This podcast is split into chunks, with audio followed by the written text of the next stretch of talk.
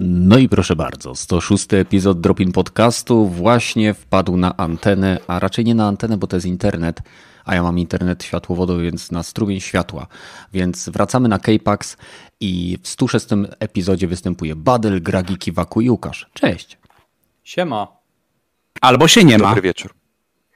Dzień dobry. Dzień dobry. Kto ma, ten ma, kto nie ma, ten nie ma. O konsolach będziemy gadali troszeczkę później. Na początek wstęp. Więc, ale to dzisiaj idzie, uff, jak, jak normalnie, jak Fajnie, woda z wodospadu. E, W każdym razie, no, e, tydzień był ciekawy, działo się sporo. Było też kilka smutnych informacji. E, Myślę, że powinniśmy wspomnieć przynajmniej ze względów kronikarskich, że odszedł jeden z bardziej, powiedziałbym, interesujących twórców, jeżeli chodzi o YouTube i content, który możecie na nim znaleźć. Mówię oczywiście o codzienniku i jego autorze. E, Więc niestety odszedł na koronawirusa, tak? Więc nie jest to nic zabawnego, ale e, jeżeli ktoś słuchał Piotra, nie mogę zawsze zapamiętać jego nazwiska, Kuldanek. Piotr Kuldanek, tak? Więc ja pamiętam swego czasu, jak y, ładnych parę lat temu Piotr zakładał y, na y, Patronajcie swoje konto i wtedy zaczynał właśnie, już zaczynał, znaczy już jakiś czas ten, ten projekt, codziennik, tak? To się codziennik nazywało, tak? Mhm, tak. E, Więc o, przyznam osobiście, że nie słuchałem. Mało czasu, no ale generalnie bardzo ciekawy pomysł. E, I no, kilka dni temu, dwa dni temu chyba, dowiedzieliśmy się, że niestety, jako że miał astmę i zachorował na koronawirusa, no to nie skończyło się dla niego pozytywnie, tak jakbyśmy wszyscy sobie życzyli. Więc na pewno będzie nam brakowało jego twórczości. E, No, no i tyle. Więc tym myślę smutnym akcentem rozpoczynamy ten podcast. Hmm. Jak teraz z takiej informacji przejść do czegoś bardziej pozytywnego? Badyl, ty na pewno wiesz. Co, co robiłeś w tym tygodniu? E, Nie wiem, jak przejść z takiej informacji. No to odpowiedź ale... na pytanie, dajesz. Dokładnie. E, W tym tygodniu, e, no pewnie to co, to, co większość z nas tutaj, czyli odebrałem swoją, swoją playkę. Mm, No i cóż, bawiłem się nią. Najpierw sobie nagrałem unboxing, który chyba, chyba wyszedł całkiem ok, ale nie wiem. Właśnie, nie właśnie. Obejrzyjcie sobie na kanale Badyla Unboxing. Badyl zaraz wrzuci pewnie tutaj link do tego. Dawaj, dawaj. Nie lubię się reklamować, więc nie. To ja cię reklamuję. No to wrzuć link. Kenneth. Ty Ja myślisz, że ja mam zasubskrybowany twój kanał? O, okej, okej. nie, ale y, tak, po, y, w ogóle w tej sesji, w tej sekcji nie, chyba, chyba później będziemy Później mówić sobie to o, dorzucimy. Mhm. E, ale oprócz tego e, pograłem sobie troszeczkę w, nie Apexa, nie miałem, nie miałem kurczę czasu na Apexa, ale pograłem sobie w nowego e, Spidermana, Spidermana Miles Morales na, Mhm. mm, no już właśnie na PlayStation 5, wcześniej się w niego gdzieś tam zaopatrzyłem i nie ma, w sensie nie jest to gra, która, że tak powiem, pokazuje całość mocy e, tej, tej e, nowej konsoli, e, czy jakoś totalnie zmienia rozgrywkę względem poprzedniej, ale na pewno jest dalej tak samo przyjemna. Troszkę więcej sobą reprezentuje, jeżeli chodzi o mm, grafikę, o, o y, animację. Tak, tak przynajmniej mi się wydaje, nie, nie, nie pamiętam. To znaczy, pamiętam e, starego Spidermana, ale, ale wydaje mi się, że to tam nie było aż takich fajerwerków. Więc jeżeli o to chodzi, to, to jest bardzo dobrze. Oczywiście w Astro Playroom, e, Astros, Astrobot Playroom. Astro Playroom. Astro Astro Playroom. Playroom. to się nazywa. A tak, dokładnie. Genialna giera. W sensie pewnie przez to, że tam jest tyle odniesień do, e, do, do całego, m, całego, że tak powiem, życia PlayStation jako, jako marki. E, Mamy tam mega dużo postaci się przewija przez każdą planszę, które są gdzieś związane maksymalnie z, e, z PlayStation, także pewnie też troszeczkę przez to Mhm. ta nostalgia, nostalgia zadziałała i dlatego tak, ta gra mi się tak spodobała. E, No i oczywiście pograłem sobie w Bugsnax, które, uwaga, jest całkiem przyjemna. I bardzo fajnie się w to gra. Dodatkowo e, takie odnoszę wrażenie, że mega fajnie jest tam zrobiona ścieżka audio. Fajnie są tam dobrane głosy, ci voice aktorzy się przyłożyli, nie podeszli do tego jak do gównogierki, e, którą gdzieś tam można by e, nazwać e, Bugsnax, ale jest mega przyjemnie pod względem właśnie audio i, i fajnie to wszystko wygląda, te robaczki, czy, czy te, te, to żarełko. A o czym ty będziesz mówił przy PS5? Spokojnie, znajdę sobie rzeczy jakieś, okay. ale chcę, chcę powiedzieć, że zajebiste dźwięki wydają robale. Ja jestem wielkim, wielkim fanem tego, co, co tam te robaki mówią. Już nie pamiętam w sumie, nie, nie przytoczę wam nic e, fajnego, ale dużo gierek takich słownych, e, związanych właśnie z, z jedzeniem, typu nie wiem, że złapię tam cię później. A to dają do, tą grę dają do plusa, czy jak? No chłopie. Tak, jest nie, w plusie. Bug, znaczy tak, Bugsnax można już teraz pobrać, mimo że powinien być w plusie za miesiąc. Nie mam plusa. Grałem tylko Astro. O, dobra. Gragi, co u ciebie? No ja, no ja oczywiście mówię, tutaj spędzam dużo czasu tak naprawdę z PS5 i gdyby nie ten podcast, to bym te, nie teraz dalej grał. Ale najwięcej to e, spędzam teraz czasu przy kodzie, no i jeszcze znalazłem jeszcze chwilę, żeby zrobić e, jedną nową recenzję, która jest przy okazji drugą w tym tygodniu, którą opublikowałem. E, a tak to jestem chyba najbardziej oczarowany, no wiadomo, Astar to jest, mówię, no historia tak jakby też poniekąd mojego życia. Tak naprawdę tutaj wchodząc w to, ja poczułem się jak w domu, nie? I bardzo żałuję, że e, z tego nie zrobią raczej e, takiego pełnoprawnego uniwersum, bo e, sam koncept, że mamy takie laboratorium, to jest bardzo, i jeszcze monety te PlayStation, to jest bardzo fajne i ja bardzo chciałbym mieć takie gry właśnie dedykowane uniwersum PlayStation, nie? tak jak Marvel ma swoje uniwersum, tak chciałbym, żeby PlayStation miało swoje uniwersum. E, ale najwięcej póki co, poza tym, że skończyłem Valhalla, e, to spędziłem czasu na ten moment z Black Opsem z Black Opsem i ja naprawdę, mówię wam szczerze, jestem zachwycony tym, e, jak zostały zaimplementowane możliwości DualSense'a do Black Opsa. E, dla mnie to jest po prostu mm, rewelacja i rewolucja w jednym e, po prostu przypadku, nie? Po prostu to jest to, czego ja zawsze chciałem od grania na padzie w FPS-y, nie? No to jak, wiesz, czujesz, że przeładowujesz, e, czujesz, że prowadzisz ten ogień i każda broń ma swój gdzieś tam właśnie system prowadzenia ognia, odrzut. I ja naprawdę jestem zachwycony. Jeżeli ktoś uważa, że granie na padzie w FPS-y nie jest takie fajne, naprawdę zagrajcie sobie w Black Opsa nowego e, na DualSense, to naprawdę zmienia całkowicie percepcję. Co prawda nie wpływa jakoś na rozgrywkę, ale sprawia, że się naprawdę przyjemniej w to gra, nie? Czyli co, mówisz, że multiplatformy jednak lepiej grać na PS5 ze względu na tego DualSense'a? Jeżeli będą dobrze wykorzystywane, jak najbardziej.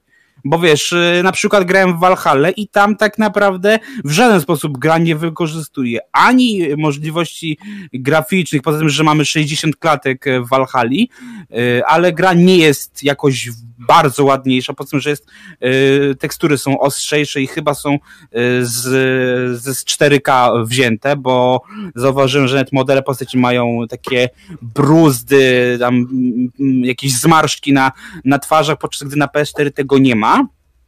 E, ale tak, jeżeli, jeżeli na przykład grałem, no to w żaden sposób pad nie współgrał z Valhalla, po prostu naciskałem R2 i nic się nie działo, tak, tak jakbym miał normalnego pada od poprzednich playaków, przy czym dla mnie ten play, e, nowy pad DualSense to jest chyba na, najlepszy pad od czasu DualShocka 1 albo nawet dwójki, bo w sumie to jest jedno i to samo, tylko się kolor zmienił.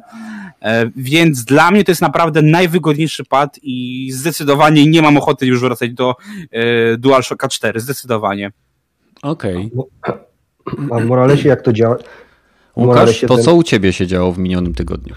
Skończyłem, tego Astrobota całego skończyłem, no i mówię, tak jak mówiliście, ten pad w DualSense świetnie pokazuje możliwości tego pada, bo jakby nie to, to ta taka gierka jest prosta, nie? Ale znaczy, przepraszam, temu... przepraszam, że przerwę, wiem, że już kończymy, mhm. ale jeżeli możecie, to postarajcie się skoncentrować na rzeczach, które nie są w drugim temacie tego podcastu.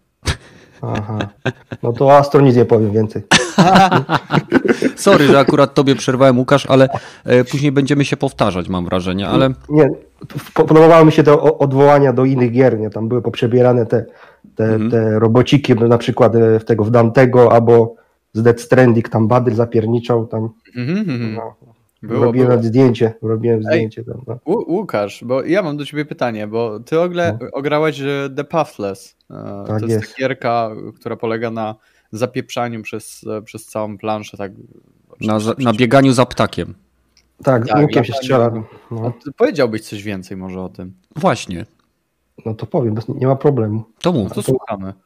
Najpierw zacznę od co to jest za gra. To jest coś jak Zelda. Polega na tym, że to jest taka, jest, ma- mapa to jest wyspa, nie? I mamy podzielone na cztery sektory, są cztery bossy. I żeby do każdego bossa się dostać, musimy zdobyć przynajmniej po dwie runy, a żeby każdą runę musimy rozwiązać jakąś zagadkę. No, a na każda, e, każda runa to jest jedna, jedna taka wielka wieża Saurona. I są trzy na każdy sektor, nie? I potem mamy walkę z bossem. No tak to wygląda cała gra, tak w skrócie. A potem najlepszym elementem gry to są dwa właśnie. Poruszanie się dzięki temu łukowi. My musimy cały czas strzelać i szyb... bo y, strzelać i bez tego nie mamy sprintu, nie? Na- Najlepiej to wykorzystywane właśnie jest w walkach z bossami, bo tam musimy go do, dogonić i potem tam trafić w punkty i potem jest, ta walka jest kilku, kilkupoziomowa, nie? Najpierw go doganiamy, tam musimy go zatrzymać, a potem walczymy z nim na takiej arenie. Te, te walki są właśnie najlepszym chyba elementem gry. A do, przy zagadkach mamy jeszcze orła nam pomaga, nie? I ten orzeł jest dość specyficzny, bo możemy nie tylko nam podnosić jakieś przedmioty, ale też przykład nim możemy latać. Nie? Tak jak e, w Breath of the Wild mamy lotnie, to to one służy jako lotnie. Nie? To nieźle wykokszony orzeł. No i- nie, to, i to fajny jest e, motyw z nim, że możemy go po brzuszku głaskać. To też jest plus. A No, ty jesteś dobrze. pewien, że to orzeł, a nie orlica? A nie wiem, właśnie nie wiem. A- Ciężko powiedzieć. o czym ty myślisz? No, zastanawiam się, gdzie trzyma jajka. No, okej. No to To- skrócie to, To jest to- jego sprawa. To jest jego sprawa. Dokładnie. Don't ask, don't tell. no, E, powiedz mi, bo na trailerach z Pathless e, wszystko wygląda tak bardzo dynamicznie, że ta postać ciągle leci za tymi punktami, w które strzela, które ją przyspieszają. Czy na tym faktycznie polega gra, czy tam się też normalnie chodzi i zwiedza ten świat? Tak, tak. No, y, to tu się wykorzystuje najbardziej przy walce w bossy, jak musimy go dogonić. I, I do poruszania się między znajdźkami, a jak roz, rozwiązujemy zagadki, to już cho- chodzimy, normalnie chodzimy, nie? Tam Mhm. się tego tak nie wykorzystuje. Czasami jest jakaś mini znajdźka, gdzie na przykład musimy jakiś listek dogonić. I jest tak, już lecimy za nim, wiesz, na czas, nie? I tylko tak, ale za to nic nie ma. I właśnie mówię, to mam pod tą grą problem, że jednak zagadki są dość proste i wiesz, nie wnikliwe. Tyle, że nie musimy wszystkich robić, bo jest ich dużo więcej niż potrzeba, żeby ukończyć grę, nie? Bo na każdy sektor musimy zrobić nowe zagadki. To są Mhm. podzielone, nie możemy wykorzystać w poprzedniego regionu, nie? No, a, a co, tam, się- co tam pytałeś jeszcze? E, No bo mm, e, jakby właśnie głównie o to, bo we wszystkich trailerach ta gra jest pokazana bardzo dynamicznie. Wiesz, w sensie, że on strzela w te punkty i to jest auto-aim? Jak to wtedy wygląda? Czy ty musisz Tak, tak. fizycznie nacelować, czy po prostu to jest na zasadzie jakiejś gry rytmicznej, gdzie... Cały czas, cały czas jest auto-aimy, tylko musimy y, chwilę przytrzymać, aż się ten pasek zapełni na tym kwadraciku, nie? I te, te, te wszystkie ikonki na mapie, które służą do poruszania się, co chwilę odnawiają po prostu, nie? Możemy je znowu za chwilę użyć. I są dwa rodzaje, są grze normalne, a drugie są takie, że nas podbijają i możemy podskakiwać. Okej, ale to zaraz twierdzisz, mówisz mi, że się strzela kwadratem, a nie triggerem? nie, nie mówię, to jest takie są kwadraciki na całej mapie porozrzucane i nie celujemy, nie? O tym mówię. Aha, ale strzelasz triggerem. Tak, triggerem. Tylko musimy chwilę przytrzymać za każdym razem, żeby się naładował nie?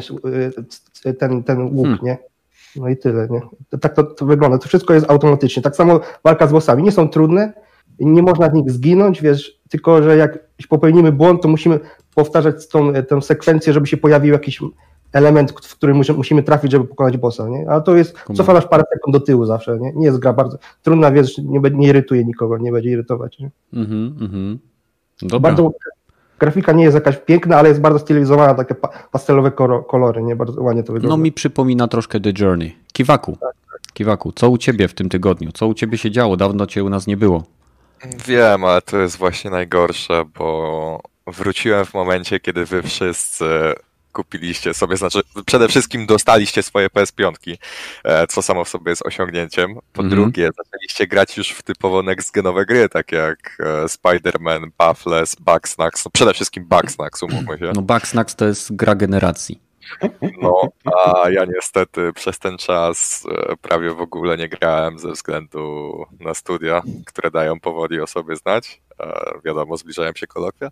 Mhm. E, No i ja jestem jedną osobą aktualnie będącą na tym podcaście, która nie posiada PS5, więc no, e, w tym tygodniu będę musiał objąć rolę Rogatego i gadać o indykach, bo w tym tygodniu grałem tylko w Hollow Knighta, więc Ej, ale słuchaj, to, że nie masz PlayStation 5, stawia cię w idealnym miejscu, żeby zadawać dużo pytań. E, No tak, no to za chwilę do tego przejdziemy, to dopiero na e, drugim temacie, ale póki co, no, e, jedyne o czym mogę pogadać to o indyku, więc no cóż, Dawaj, jakaś tam... dawaj. Jak to wygląda ten Hollow Knight? Bo on jest w plusie, nie? Tak. E, tak, jest obecnie w plusie, tylko że ja go. E, ja wróciłem do niego, bo przypomniałem sobie, że w sumie kupiłem go kiedyś na Switchu, a według mnie to jest idealna platforma do ogrywania tego typu gier.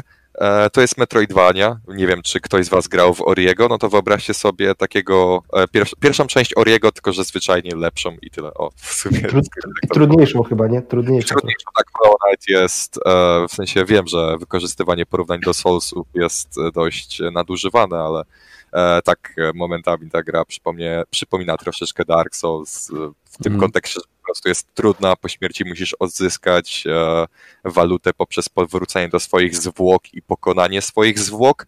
Ja wiem, O. że brzmi to dziwnie, ale tak to działa. Um, no i co więc? Przepraszam za kaszlenie, ale coś mi w gardle. Walka polega na zwykłym wciskaniu przycisku ataku i e, nauce patternów e, ataków przeciwników i unikaniu tych ataków przeciwników, więc no, to nie jest e, nic specjalnego w tym kontekście. Mhm. A, no, gra jest z z perspektywy 2D, ma bardzo ładny art style, to trzeba dodać, nie? Wygląda trochę jak e, takie ponure rysunki. Em, Coś z Timem Bartonem mi się kojarzy, jak ja to widzę. tak, dokładnie, dokładnie, dokładnie. E, muzyka jest prześwietna, zwłaszcza motyw, który gra w e, menusach. E, momentami dosłownie zostawiam grę, aby sobie chwilę pograł motyw przewodni. E, no więc to jest świetne. E, a, i jeszcze dość charakterystycznym elementem jest to, że na początku to jest gra Metroidvania, w której nie masz dostępu do mapy, więc musisz się uczyć miejscówek na pamięć na początku, a dopiero później e, spotykasz NPC, od którego możesz kupić mapę. Kumam. E, kumam. więc tak.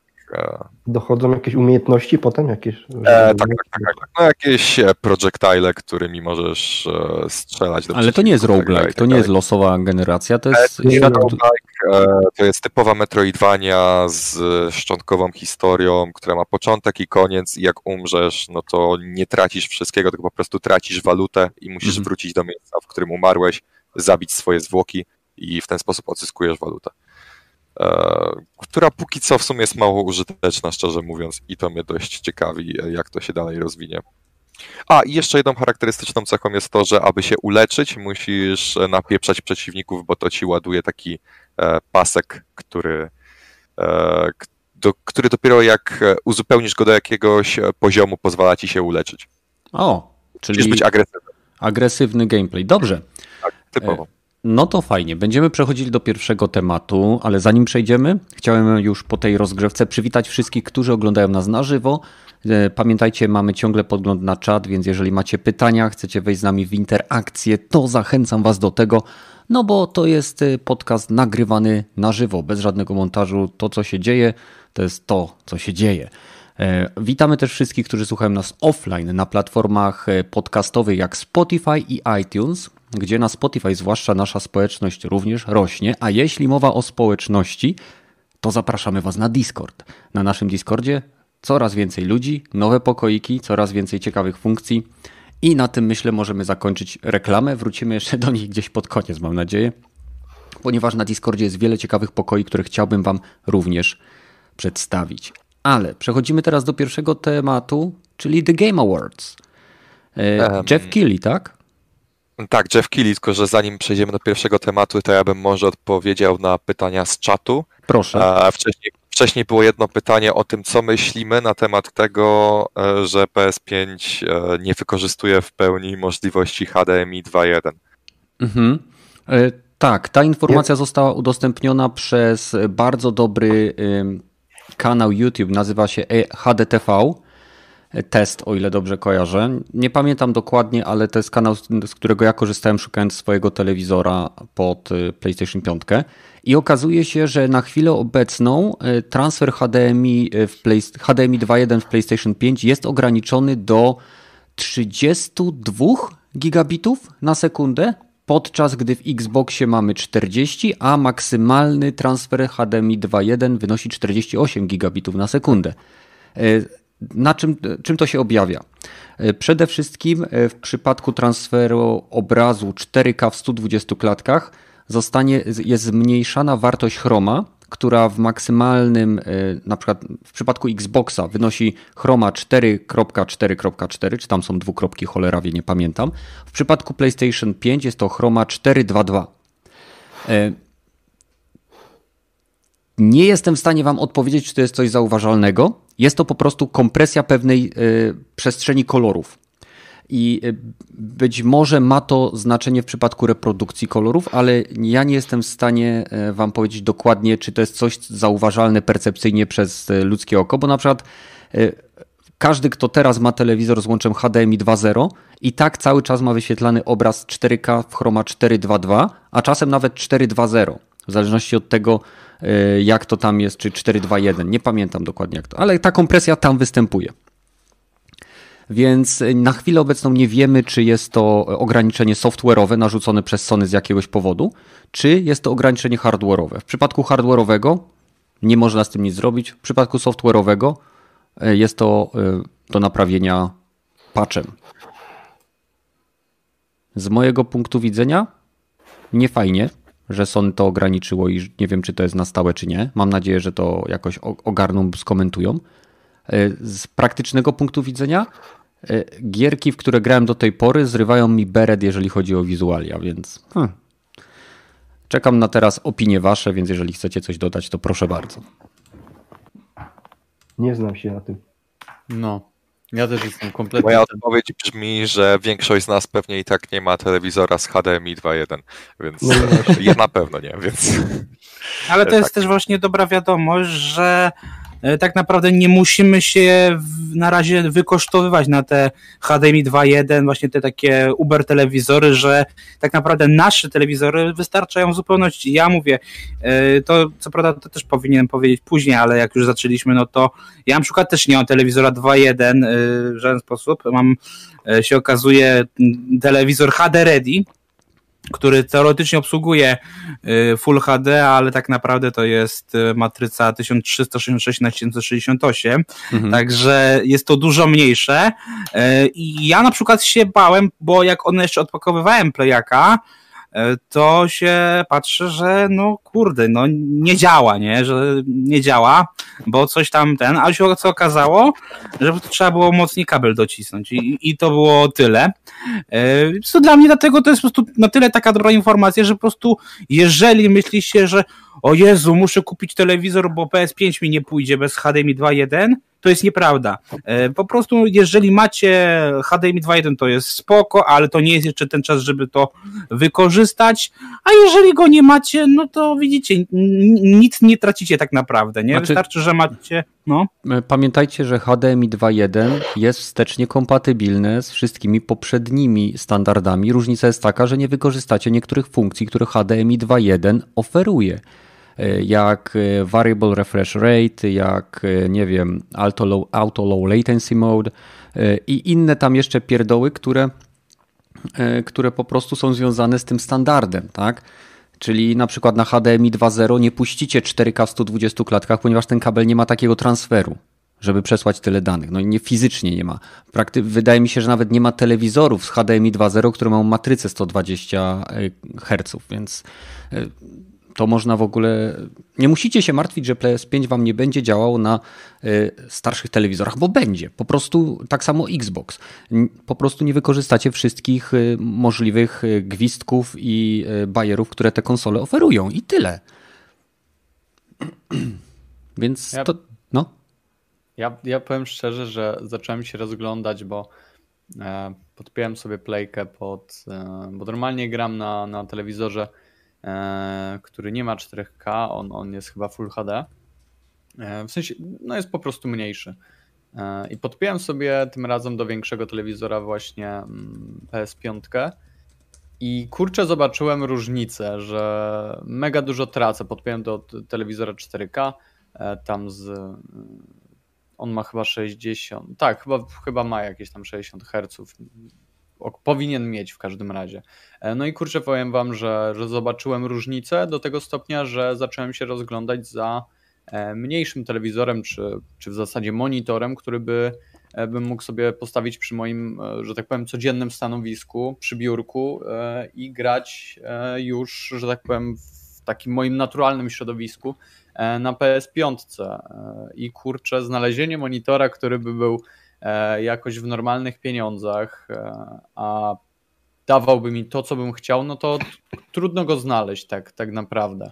E, Także e, szczerze powiedziawszy, nie wiem, jeżeli ktoś z Was się zna, e, to dawajcie znać w komentarzach, czy nie wiem, warto e, jeszcze chwilkę poczekać na przykład na pojawienie się nowych, e, nowych, nowych monitorów, e, które by jak, jakkolwiek mogły mi dostarczyć w pełni, czy przybliżyć mnie do pełni możliwości e, wyświetlania e, playki piątki, e, czy też po prostu, nie wiem, już kupować, bo te telewizory jak wyjdą, to i tak będą kosztowały krocie, więc, więc nie ma sensu czekać. Bardzo mnie to nurtuje przez ostatnie kilka dni, powiem wam szczerze. Znaczy, ja ci powiem tak, nie, nie uważam siebie za jakiegoś eksperta, bo, bo szukałem tylko informacji w momencie, kiedy zastanawiałem się, jaki telewizor kupić, ale osobiście uważam, że warto poczekać, ponieważ y, z każdym kolejnym miesiącem mijającym y, telewizory z roku 2019 tanieją.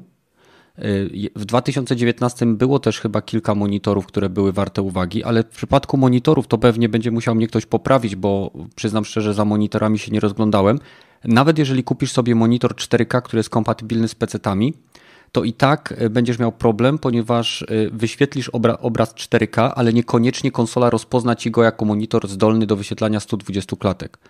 Y, Bo nie wiem, jak wyglądają te standardy związane z jakby monitorami, e, ale jeżeli jest standard HDMI 2.1 w monitorze, to wtedy masz pewność, że będzie działało. Jeżeli jest coś innego, na przykład HDMI 2.0, to automatycznie konsola rozpozna, że to jest HDMI 2.0 i nie puści ci sygnału zgodnego z HDMI 2.1 na tą matrycę, nawet jeżeli to będzie matryca 144 Hz. Okej. Właśnie, właśnie to jest, no, no jak mówi, Baden mówi, że czekaj, nie, to, to będą tanieć, bo co roku będą wychodzić, w przyszłym roku pewnie już każdy, większość telewizorów będzie miał HDMI 2.1 te nowe, nie?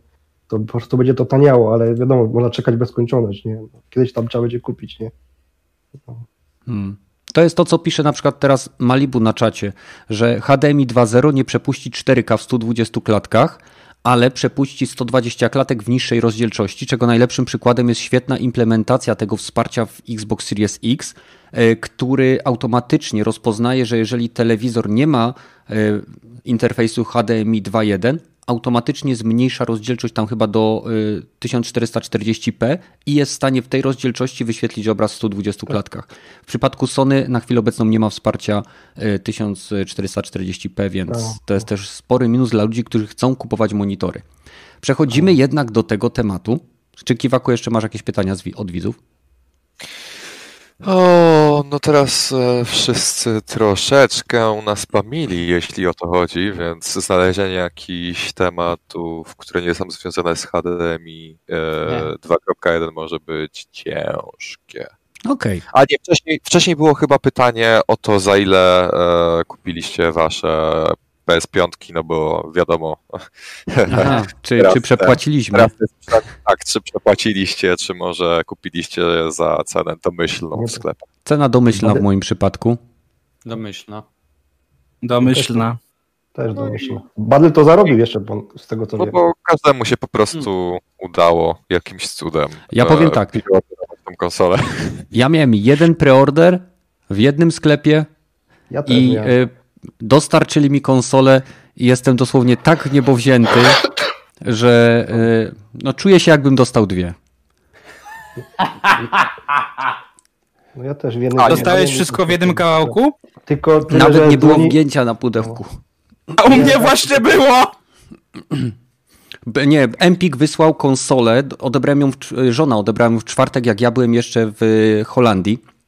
Wysłała mi zdjęcie, zresztą podzieliłem się nim na naszym Discordzie, na którego gorąco zapraszam, ale y, kurier przywiózł po prostu pudełko, ona tam coś podpisała i muszę tutaj pochwalić Empik, ponieważ konsola była w, w większym pudełku niż sama, samo opakowanie sprzętu, owinięta w folię bąbelkową, bardzo dobrze zabezpieczona i nie było na pudełku absolutnie żadnych wgnieceń, żadnych śladów, że coś się z nim działo. E, Natomiast też muszę powiedzieć, że Empik spieprzył, ponieważ zamówiłem sobie Milesa Moralesa i Demon Souls osobno, bo początkowo plan był taki, żeby odebrać konsolę w sklepie i zastanowić się nad grami w tamtym miejscu. Więc jako wiadomo, że co, co, co było, co się dzieje teraz na świecie i w Polsce, to będąc w Holandii zamówiłem sobie Spidermana i Demon Souls. Niestety wysłali to w najzwyklejszej kopercie bąbelkowej. Spider-Man przyszedł ze zgniecionym y, zupełnie z jednej strony opakowaniem, skruszonym. Na szczęście płyta y, nie była uszkodzona, więc wymieniłem sobie szybko na jakąś gierkę z PS4, bo to są te same opakowania. E, O ile dobrze kojarzę, jakąś gierkę z PSVR wziąłem, przerzuciłem i, i tyle. Także naprawdę mega zadowolony jestem. Mnie też bez problemu, też była zapakowana w folię bąbelkową. Też Mediamarkt się spisało, tyle że dzwonili dzień wcześniej, bo taka była śmieszna sytuacja, że zadzwo- zadzwonili, powiedzieli, że się do paczkomatu nie zmieści. Nie? Wysłali na swój koszt e, kurierem. Nie? Przyszło mi w paczkomacie do, faktura, a DPD mi przywiozło. ten- To musiałeś dwa miejsca paczki. iść. No, musia, nie, no to miałem do domu, nie? a tam musiałem do paczkomatu podejść. No, mhm. śpieszy. A to ja wam powiem, że y, ja nie mogłem cały dzień, że tak powiem, byłem niedostępny, więc poprosiłem narzeczoną, żeby mi odebrała e, konsolę. Mówię, dobra, niech stracę. Chociaż będę miał konsolę, nie zobaczę tych wszystkich ludzi, którzy będą stali po, po odbiór, bo Mediamarkt miał możliwość odbioru osobistego. I nie uwierzycie co, e, ona tam była około 19 e, i pytała babki. mm, Wzięła Xboxa zamiast PlayStation. No to by chyba nie wróciła do domu. E, ale nie. E, Nie byłoby babki- ślubu. Nie, nie byłoby. E, pytała babki i podobno nie było nikogo przez cały dzień w sklepie, było bardzo mało ludzi. Ja się spodziewałem tam tłumów, które będą to odbierać, e, a tymczasem nie stała w żadnej kolejce, przyszła, pogadała z babką, jeszcze ją wypytały jakieś tam bzdury i nie było, nie było kompletnie nikogo, także e, no, premiera, którą chciałem zobaczyć konsoli, no niestety nie miała miejsca, ale tym bardziej mi jest, że tak powiem, em, jestem szczęśliwy, bo nic mnie nie ominęło tak naprawdę. Dobrze. To teraz po raz kolejny próbuję wrócić do tematu, którym jest The Game Awards i nominacje. E, Będziemy mówili o, tylko o kilku nominacjach, nie będziemy omawiali wszystkich tematów. Absolutnie pomijamy esport, bo to akurat myślę z tej grupy nikogo nie interesuje. Nie wiem jak widzów czy słuchaczy, ale e, prowadzących raczej nieszczególnie. Więc e, przeczytam, załóżmy, pierwsze cztery nominacje. Ok, bo później jest już audio design, y, aktorzy i tak dalej, tak? Więc lecimy po kolei i będę Was pytał po każdej nominacji, jaka gra jest z tej, z, według Was wygra. Więc gra roku. Mamy Doom Eternal, Final Fantasy VII Remake, Ghost of Tsushima, Hades, Animal Crossing New Horizons, Last of Us Part 2. Padyl. Kto wygra? The Last of Us, oczywiście. Dobrze. Gragi? E, Powiem ci tak, ja myślę, że prędzej wygra Ghost of Tsushima, chociaż też się myślę, że może The Last of Us wygrać, ale ze względu na to, jakie były kontrowersje, jak ludzie przyjęli e, The Last of Us, bo jednak też ludzie oddają głosy, to jeżeli The Last of Us wygra, to moim zdaniem będzie bardzo kontrowersyjny werdykt, więc ja obstawiałem na Ghost of Tsushima, bo też nawet zagłosowałem w nominacjach. Mhm. Kontro, kontrowersje się sprzedaje. Okej, jeszcze, y, bo wy powiedzieliście się y, odnośnie, czyli ty mówisz Tsushima Gragi, Badel mówi Last of Us. Chciałbym też zaznaczyć, że gra roku y, jest przyznawana w uznaniu gry, która y, dostarcza absolutnie najlepsze doświadczenie na wszys- we wszystkich aspektach kreatywnych i technicznych swoich, y, no, swojego jakby tworu, tak, całej siebie. Więc y, Dlatego The Last of Us nie bardzo tutaj dostarcza tych w każdym aspekcie, nie? to jest punkt widzenia, oczywiście. Kiwaku. No w końcu ktoś, kto się dłużej wypowie, a nie tylko powie The Last of Us albo nie The Last of Us. No w końcu na kogoś porządnego padło, a nie. E, dobra, no to, jest akurat temat, dla którego przyszedłem na podcast, więc ja wypowiem się w sposób e, najprostszy, jakie mogę. Według mnie faworytem w tym roku jest Hades.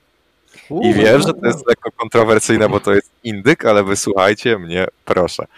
E, Doom Eternal najpewniej dostanie e, nagrodę za najlepszą grę akcji. Spokojnie, nie Dlatego- przechodź do innych y, trybów, w sensie nie, nie, ja chcę wytłumaczyć, dlaczego akurat Hades, bo Okej. szczerze mówiąc, to po prostu pozostałe gry, według mnie, dostałem po prostu na pocieszenie Mhm. e, wygraną w innych kategoriach. Nie, na przykład Final Fantasy Remake jest po pierwsze remake'iem, a to trochę dziwnie byłoby dać e, nagrodę najlepszej gry roku remake'owi, to jeszcze, no czysto teoretycznie niekompletnemu, no bo to siłą rzeczy jest świetna gra, ale no przedstawia tylko prolog i jeszcze dodatkowe kilka sekcji z oryginalnego Final Fantasy VII. Więc e, myślę, że on po prostu dostanie nagrodę najlepszego RPG. E, Doom zdecydowanie podzielił fanów, więc e, myślę, że nie ma większych szans, jeśli chodzi o wygranie. Po prostu Mhm. dadzą mu nagrodę najlepszej gry akcji. E, Ghosts of e, Tsushima według mnie ma szansę wygrać i to dość spore, zwłaszcza po tym jak dodano tryb multiplayer w pełni za darmo i on podobno jest prześwietny. Jest zajebisty, tak? nie prześwietny. Myślę, że myślę, że Ghost of Tsushima ma spore e, szanse. E, tym bardziej, że e, 10% e, inaczej. E, głosy publiczności wpływają na wynik końcowy, a dokładnie jego 10%, tak? E, Więc to jest może nie jakaś specjalnie duża liczba, ale myślę, że fani Tsushimy mogą lekko przechylić e, czarę na korzyść tej gry. E, Z kolei Hades jest wychwalany pod każdym możliwym względem, gdzie tylko się da i jak tylko się da. Recenzenci dosłownie kochają tę grę, influencerzy kochają tę grę, e, krytycy kochają tę grę i gracze kochają tę grę, mimo że no wiadomo nie wszyscy. Więc myślę, że patrząc na e, wszystkie środowiska, no to właśnie Hades byłby tym, jakby to powiedzieć, jakby wygrał Hades, to mało kto by marudził, o tak bym powiedział. Okej, Ja myślę, że jednak Hades dostanie właśnie indyka roku, a tak jak właśnie mówisz z Dumem, że dostanie akcję, a wygra jednak chyba The Last of Us. Osobiście za- zagłosowałem na Duma, ale to mówię, nie obraziłbym się jakby było też Ghost Tsushima inne, ale to mam jak podobnie jak Badyl, y, Tsushima jest dobrą, wiesz, dobrym soundboxem i dobrym ma walkę, ale jednak fabuła tam trochę jest taka. Ale Nie, też sprzedała się postaci. dużo lepiej niż The Last of Us. To nie ma znaczenia. ale w, tym, w tej kategorii to nie ma znaczenia. Tu chodzi Tak. o najlepsze doświadczenie we wszystkich aspektach kreatywnych oraz Dlatego- technicznych. A pamiętajcie, dlatego- że najlepsze doświadczenie nie znaczy, że ktoś jest z tego zadowolony. Dlatego mówię, jakby rozum mówi, że będzie The Last of Us, a ja, ja zagłosowałem na Duma, bo jednak jako gra ogólnie całość to się broni cała, nie? Bo jednak Tsushima trochę fabuła kuleje, nie? Okej. Dumie tam, no Dumie to nie, nie jest nastawiona na fabułę, tylko na rozgrywkę bardziej, to tam to nie przeszkadza, nie? Okej, no dobra, no to zostałem ja. I nie ma żadnego typu. Mam. Nawet oddałem głos. Oddałem głos na The Last of Us część drugą. Mamy to. E, Z bardzo prostego powodu. Gra pod względem technicznym i w mojej opinii w każdym innym zaorała mną jak e, pług pole. Mhm. E, Grała na moich emocjach jak, nie wiem, jak jaskier na swojej mandolinie, czy jak to tam się, czy co on tam ma, banjo, czy jakieś inne dziadostwo, lutnie. Pewnie bardzo. Na pewno nie banjo, lutnie. Więc, Lutnie. więc z tego właśnie powodu, y, że ta gra ze mną to zrobiła, ja na nią zagłosowałem i pod względem technicznym to nie, nie ma po prostu dyskusji, pod względem y, kreatywnym zrobili coś, czego w zasadzie żadna gra do tej pory nie zrobiła, a pod względem technicznym no to jest Naughty Dog, więc koniec tematu. Przechodzimy do Best Game Direction. Jest to gra, która jest, y, jest to kategoria, w której jest nagradzana za y, ponadprzeciętne, ponadprzeciętną kreatywną wizję i innowacje w przypadku y, prowadzenia gameplayu i projektowania. I tutaj mamy Final Fantasy Remake, Ghost of Tsushima, Hades, Half-Life Alyx i The Last of Us Part 2. Tym razem ja będę pierwszy. Half-Life Alyx. Proste. E, Gra, która wyniosła na zupełnie nowy poziom, innowacje w grach wirtualnych, poszlifowała wszystko do granic możliwości, przedstawiła niesamowicie kreatywną wizję tego, co można robić w grach e, z wirtualną rzeczywistością. I po raz kolejny Valve pokazało, że jak bardzo, bardzo chce pieniążków, to umie w gry. Dokładnie, ja tak samo się tutaj e, z Tobą zgadzam. Ta gra pokazuje, że VR to nie tylko jakieś głupie machanie tam nie wiem, mieczami, wspinanie się e, na jakieś skały, czy stawanie na, na desce, żeby później nie polecieć na, na twarz na swój telewizor najnowszy i żeby ten filmik robił miliony wyświetleń w internecie. Zdecydowanie Half-Life Alex, jeżeli chodzi o te kategorie, E, no, zostawia przeciwników w rywali w zasadzie w, w tyle. Także zdecydowanie Half-Life. Łukasz? No ja się właśnie wahałem jeszcze nad czy Hadesa dać, ale jednak właśnie to jest chyba pierwsza gra e, taka AAA, co naprawdę robi robotę na, na VR-ze, nie? I jest naprawdę opracowana. Tam wiele funkcji właśnie było nadwykorzystywanych, widziałem e, jako do, do, do, do nauki w lekcjach, nie? Bo tak tam było to wszystko rozwinięte, dopracowane, że robiło wrażenie. Nie? Też, też wybrałem Half-Life'a. Mhm, mhm. Kiwaku? Czyli jesteśmy w pełni zgodni w tej kategorii. No i świetnie, cieszę się bardzo. E, Gracz Watch approves e, Half-Life Alex Best Game Direction. A Gragi? Gragi jeszcze. A, sorry, zapomniałem. No, e, no to co, właśnie ja akurat zagłosowałem na The Last of Us 2 zdecydowanie tutaj, ale w sumie faktycznie jak pomyśleć o tym Half-Life Alex, chociaż ja nie, nie grałem, bo nie mam VR-a, to w sumie faktycznie miałoby to duży sens, nie? Bo e, faktycznie The Last of Us broni się tym, e, że zdecydował się na gdzieś tam te innowacje narracyjne, na podjęcie tematów, których nikt by się nie podjął albo nikt by nie próbował je powiedzieć w taki sposób. Więc mówię, można się z tym nie zgadzać, można z tym polemizować, ale za, pod, wiesz, za próbę w ogóle podjęcia tematu, za odwagę, e, no to jednak The Last of Us w mojej ocenie tutaj właśnie zostawiło grubo w tyle konkurencję, chociaż Half-Life Alice jak najbardziej tutaj bym powiedział, że chyba nawet bardziej ma sens e, ten tytuł do Half-Life Alice niż do Last of Us, ale to jest mój wybór, nie? Mhm, mhm. Wszyscy? Badel jeszcze, nie? Ja już mówiłem, że Mówiłeś? był, powiedział, że Half-Life, jak no wszyscy. Okay, kurczę, wszyscy, okej, okay, dobra. Gragi tam się zastanawiał, no ale okej. Okay. Dobra, no to przechodzimy do najlepszej narracji. E, jest to e, nominacja za ponadprzeciętne opowiadanie fabuły i narrację, e, która jest rozwijana w trakcie gry. No ja dałem Hadesa tutaj. Okej. Dlaczego? No, The Last of Us jak wie, wiecie, jakie moje zdanie, że nie podobała mi się bardzo ta fabuła ta w tej grze. Mhm. W Tsushima po, podobnie, wiesz, ta fabuła jest, jest, dość miałka i taka, wiesz, poszatkowana, to też nie za bardzo, a w resztę gier nie grałem, a o Hadesie, wiesz, słyszę same, nie gra, grałem chwilę, nie, nie za długo, ale słyszałem same pozytywne opinie, nie, że jest fabuła bardzo ciekawa. Okej. Okay. Okej. Okay. Gragi? Y, już ci mówię, y, ja właśnie zas, y, dałem Tsushima chociaż jestem świadom tego, że tutaj myślę, że bardzo mm, może być coś nieoptowane za znowu za The Last of Us, chociaż no jednak ja uważam, że jednak The Last of Us było no dziurawe trochę jak szwajcarski ser, e, a Tsushima opowiedziała może nie jakąś innowacyjną historię, ale właśnie poprowadziła ją w dobry, spójny sposób, klimatyczny i w sumie nie przypominam sobie drugiej takiej gry w takim klimacie, która by e, od początku do końca trzymała po prostu równy poziom, no i plus w odróżnieniu do The Last of Us 2 dawała nam jakiś wybór. Dlatego ja tutaj znowu zakazałem za Tsushima, chociaż yy, wahałem się nad The Last of Us 2 i naprawdę nie zdziwię się, jak The Last of Us 2 wygra, chociaż moim zdaniem powinna Tsushima. Dobrze. Następny proszę. E, moim zdaniem e, ja tutaj się mocno zastanawiałem między Hadesem, który gdzieś, jeżeli chodzi o takie mm, o, o, takie gierki rogalikowe, e, troszeczkę bardziej stawia tutaj na, e, na fabułę, bo za każdym razem, gdy zginiemy e, gdzieś tam podczas naszej, naszej potyczki, wracamy i zawsze mamy z kim pogadać. Te, te, że tak powiem, wątki różnych postaci są coraz bardziej to przez nas e, odkrywane, to jest coś, co jeżeli chodzi o indycze gierki i, i podejście do takich rogalików, no jest zdecydowanie nie, nieczęsto spotykane. Mm, I moim zdaniem to bardzo mocno wyróżnia Hadesa na, na tle innych. Niemniej no, zagłosowałem oczywiście na The Last of Us e, Part 2, które. Bo jesteś fanboyem.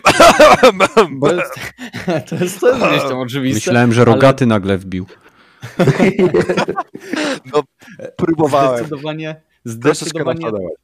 Bardzo dobrze. Zdecydowanie The Last of Us e, no, miotło mną tak, jeżeli chodzi o historię i prowadzenie tej, tej historii, że no tutaj nie mogłem nic innego wybrać przez wzgląd na, to, na te moje emocje, które, e, które towarzyszyły mi podczas ogrywania tej gry. I to jest, to jest tyle. Hades wierzę, że, że tak powiem też mocno namieszał w tej kategorii, ale no zdecydowanie The Last of Us nie ma sobie równych. Okej, okay. następny. U Łukasz? Mówiłem już. Łukasz był. Aha, czyli ja, dobra, no ja się nie wypowiem, bo ja nie ukończyłem żadnej z tych gier i nie oglądałem let's playów z nich, aby sobie nie spoilerować, więc ja się nie mogę wypowiedzieć w żadnym stopniu, jeśli chodzi o ich narrację. To strzelaj. E, a, nie, nie, ja nie lubię strzelać. No ale pewnie jest to między Hadesem a Last of Us. Jedno z dwóch. Okej, okej. Okej, więc jeżeli chodzi o mój wybór, to będzie to oczywiście e, bezkonkurencyjne w mojej opinii The Last of Us. E, z tych gier, które są jeszcze w tej kategorii, e, grałem w Final Fantasy Remake, w Ghost of Tsushima i o ile rozumiem, że Final Fantasy zostało po po, jakby poszerzonych wiele wątków postaci, które praktycznie były tylko wypełniaczem w oryginale. O ile w Tsushimie bardzo podoba mi się prowadzenie narracji i jakby taka ta narracja nie jest nachalna, tak? Ona się dzieje, ale tak naprawdę e, nie jest to coś, co by mnie porwało, że nagle, nie wiem, czuję, że muszę tych wszystkich Mongołów wybić w pień, bo są tacy beznadziejni. A w Last of Us Part 2 naprawdę od początku do samego końca ta narracja wywoływała u mnie emocje. Głównie negatywne i nie chodzi mi o to, że mi się nie podobało, tylko że czułem emocje, które, które mną targały i właśnie dlatego e, tej grze bym przypisał właśnie e, za najlepszą narrację i opowiadanie. I to nie chodzi o to, że to była historia, która mi się musiała podobać, tylko to była historia, która mną wstrząsnęła. W sensie rzuciła mnie, że tak powiem, no opadły mi ręce momentami po prostu, tak ciężkie było to dla mnie emocjonalnie. Czy chcecie jeszcze jedną kategorię? Mamy Best Art Direction, najlepsza muzyka, e, najlepsza, e, najlepszy aktor. Ja myślę, że... Najlepszy aktor, według mnie. To Chcecie najlepszego aktora?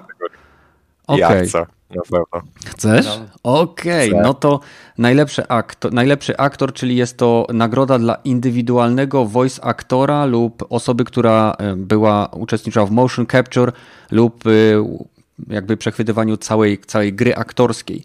Więc mamy Ashley Joss Johnson jako Ellie z Last of Us Part 2, Laura Bailey jako Abby z Last of Us Part 2, Daisuke Tsuji as Jin Sakai, czyli Jin Sakai Daisuke Tsuji, Logan Cunningham as Had jako Hades i Najee Jetters jako Miles Morales. No, Kiwaku. Kiwaku, chciałeś, masz. No ej, dobra, no ja po prostu chciałem, abyśmy mogli wszyscy razem krzyknąć jak jeden mąż Ashley Johnson i się rozejść. Absolutnie. No bo sorry, ale akurat, akurat voice acting tej grze wyszedł e, najlepiej jak tylko mógł, umówmy się. Ja mhm. też jestem... Ja myślałem, że będzie wojna między Laurą Bailey za rolę Abby. Nie, ja, no, ja bym wybrał Ashley. Laurę Bailey. Ja pierdolę. Co ci się nie, nie podoba? Serio? Nie wiem, ja, nie ja nie wybrałem żadnej, to się nie odzywam. no ale w Tsushimie ci się nie podobało, jak grał gość? Jezu. Nie, no mówię, dałem Moralesa. No nie za bardzo mi się podobał. Mijaki był taki, nie? Mijaki. Morales nie, też spoko, ale... Nie wiem, Moralesa jeszcze nie skończyłem. Petera się nie umywa, to bądźmy szczerzy, no. To jest mu okaz. No, ale tak dałem na przekór, nie? Specjalnie. Aha, rozumiem. Nie, nie widziałem, kto... Te mi się nie podobały, ale właśnie z Tsushima był taki właśnie, on był taki gbur, Nie, on tam ciągle jedną tonacją mówił, tam nic nie za bardzo. Mr. Wilkins pisze, że Sasha Gray, No. najlepszy performance. No Gadki O, pisze, że Ben. Affleck.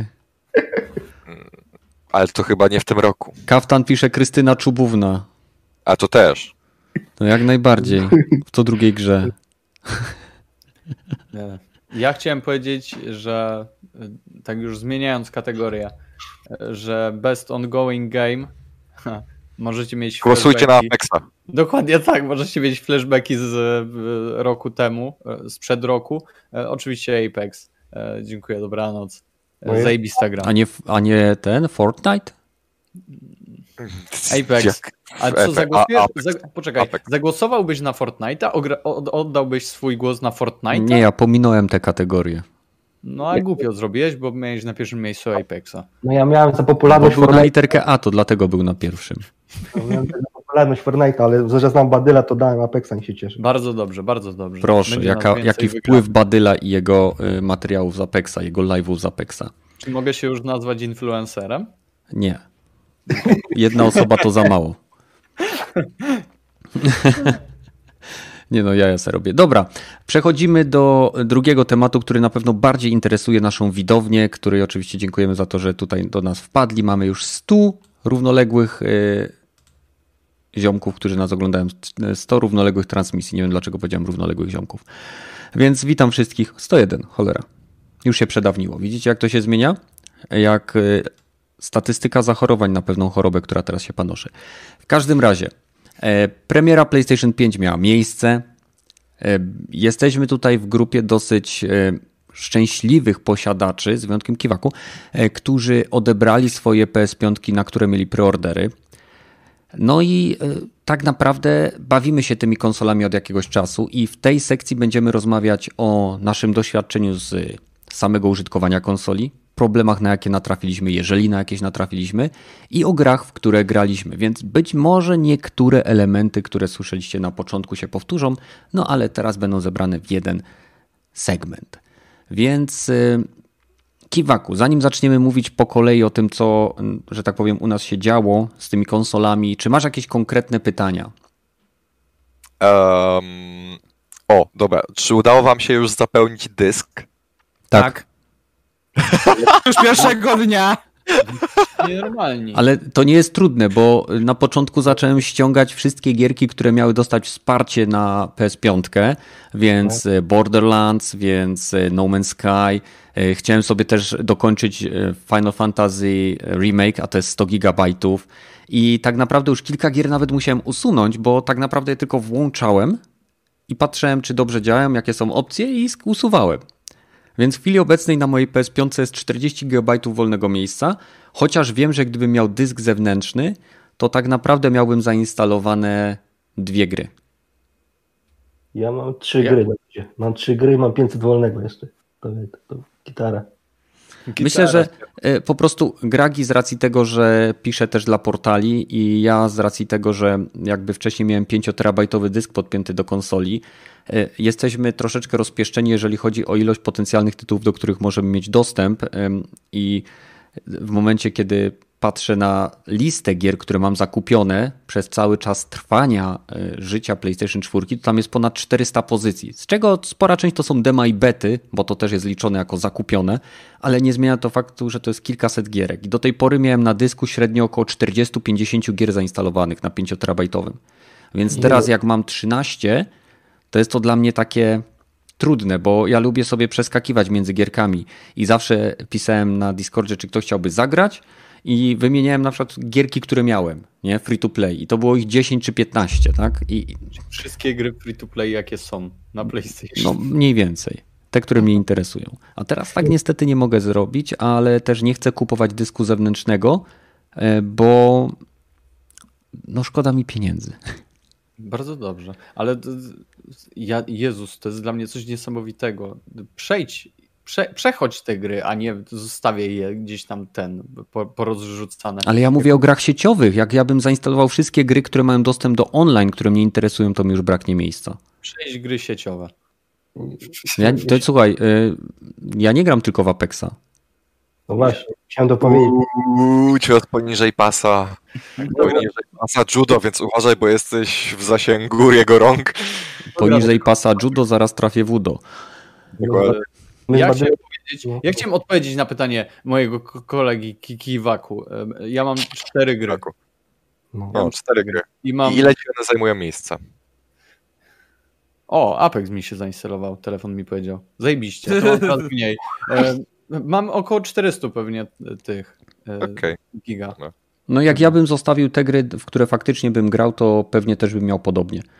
Więc to nie jest kwestia tego, że jakby brakuje mi, bo mi brakuje, tylko brakuje mi, bo ciągle testuję, jak działają te gry. Na przykład, jak szybko się wczytuje Division 2, a od czasu do czasu lubię sobie skoczyć i przejść misję lub dwie. Jak szybko wczytuje się, nie wiem, właśnie Final Fantasy VII, czy, czy nie wiem, teraz w promce było Control Ultimate Edition, za 80 zł jest, więc sobie pomyślałem, ok, teraz jest promka, to sobie to kupiłem i myślałem, że już jest ta, ten upgrade, a ten upgrade ma być dopiero chyba w przyszłym roku. Więc A to poczekaj, bo tak mówisz, że zainstalowałeś tyle gier, żeby zobaczyć jak działają. I jak działają te gierki? Zadowolony jesteś z tego, jak działają? E, Generalnie tak. Z tych, które dostały patcha, faktycznie e, widać, że jeżeli miały działać w 60, no to to jest trzymane. E, Rozdzielczość czasem jest podbita. No, no, różnie się to objawia. Widać to przede wszystkim w grach, które miały odblokowany framerate. Czyli takie na przykład Final Fantasy VII Remake, ono potrafiło przyhaczyć. O, Kuba. Bardzo dziękujemy za wsparcie kanału. Ja zainstalowałem God of War, ale nie dostał jeszcze żadnego wsparcia i trochę smutek. E, Więc e, tak naprawdę te gry u mnie teraz się szybko zmieniają. Ale dobrze, bo dysk SSD jest szybki. Jeszcze jakieś pytania do kogoś, Kiwaku? Czy idziemy po kolei? E, nie, no nie, no dużo pytań. Na przykład, e, co zrobiło na was największe wrażenie, jeśli chodzi o tą konsolę? To idziemy od dołu. Łukasz. Że duża jest. No i na pierwsze, takie pierwsze, jak nie wyciągnę z pudełka, nie? Okej, Duża, i- duża i ciężka. Okej. duża, okej. E, Na mnie największe wrażenie zrobiło to, jak cicha jest konsola, ale to wiadomo po chwili. Ale pierwsze wrażenie, takie najmocniejsze, to czasy wczytywania gier. To jest coś, co po prostu. To, jest, to jest jeden z aspektów tego next gena, którego konsolowcy a, nie, nie zasmakowali do tej pory, a PC-towcy do pewnego stopnia znają to od lat. Garagi? E, wiesz co, powiem ci tak, u mnie, no tak jak już mówiłem, największe wrażenie zrobił e, DualSense w wsparciu z Black Opsem, no po prostu mi gęba opadła, E, no ale jeszcze chyba bardziej na mnie wrażenie zrobiły te ray tracingi w Spider-Manie, no jak ja to zobaczyłem, to naprawdę byłem mega zajarany, ale no zdecydowanie, mówię, ten Black Ops mnie urzekł. Jeszcze na chwilę wrócę do poprzedniego pytania, bo ja na przykład zainstalowałem 15 gier e, i też właśnie o to chciałbym poniekąd was zapytać, e, jaka jest gra, która was, u was najwięcej zajęła miejsca, bo u mnie na przykład był to Mortal Kombat 11, który waży w, po aktualizacji, gdzie masz wszystkie dodatki, waży 85 gigabajtów.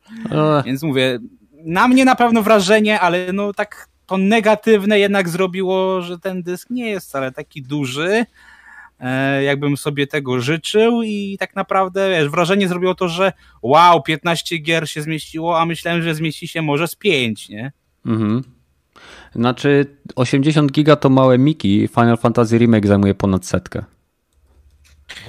Call of Duty też nie. Sporo. No nawet tego to E, nawet ale- nie próbuję ale- ale- instalować.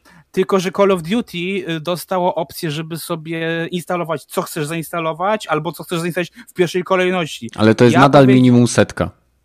Bo E, nie. w pełnym, pełnym wymiarze 240.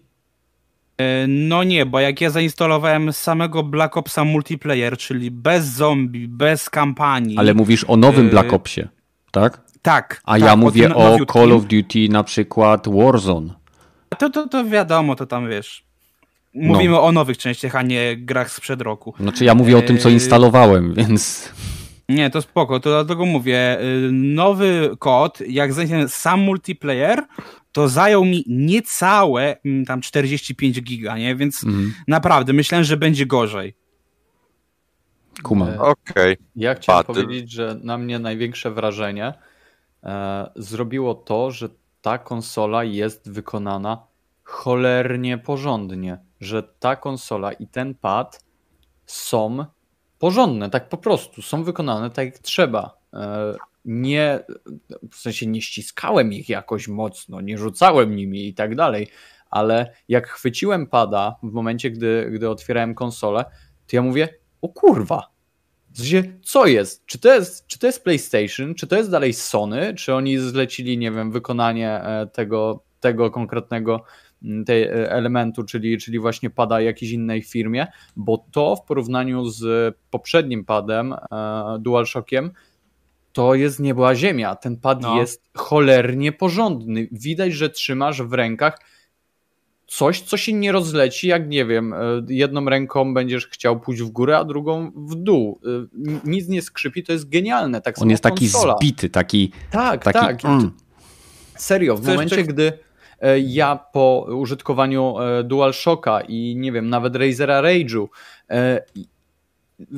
cały czas użytkowałem tylko te dwa kontrolery, dotykam tego, to jest coś niesamowitego, że oni to osiągnęli. Tak samo byłem pewien, że te plastikowe e, osłonki, te, te, te panele boczne przy samej konsoli, te takie białe, e, będą jakoś, nie wiem, no gówniane po prostu.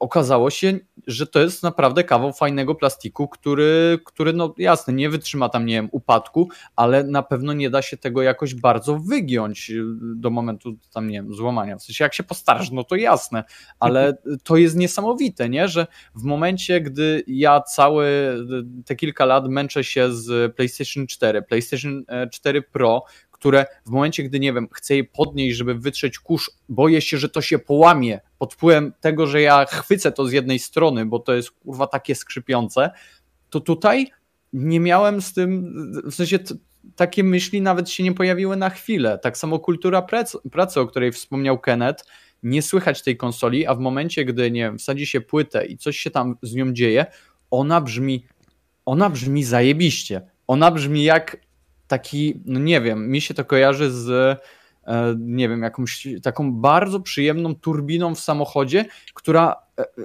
której po prostu chce się słuchać. I tak jak mówię, ja, możecie gdzieś tam zobaczyć ekscytację w moim głosie, czy, e, czy nawet to zaskoczenie, bo to jest ewidentnie coś, czego się nie spodziewałem.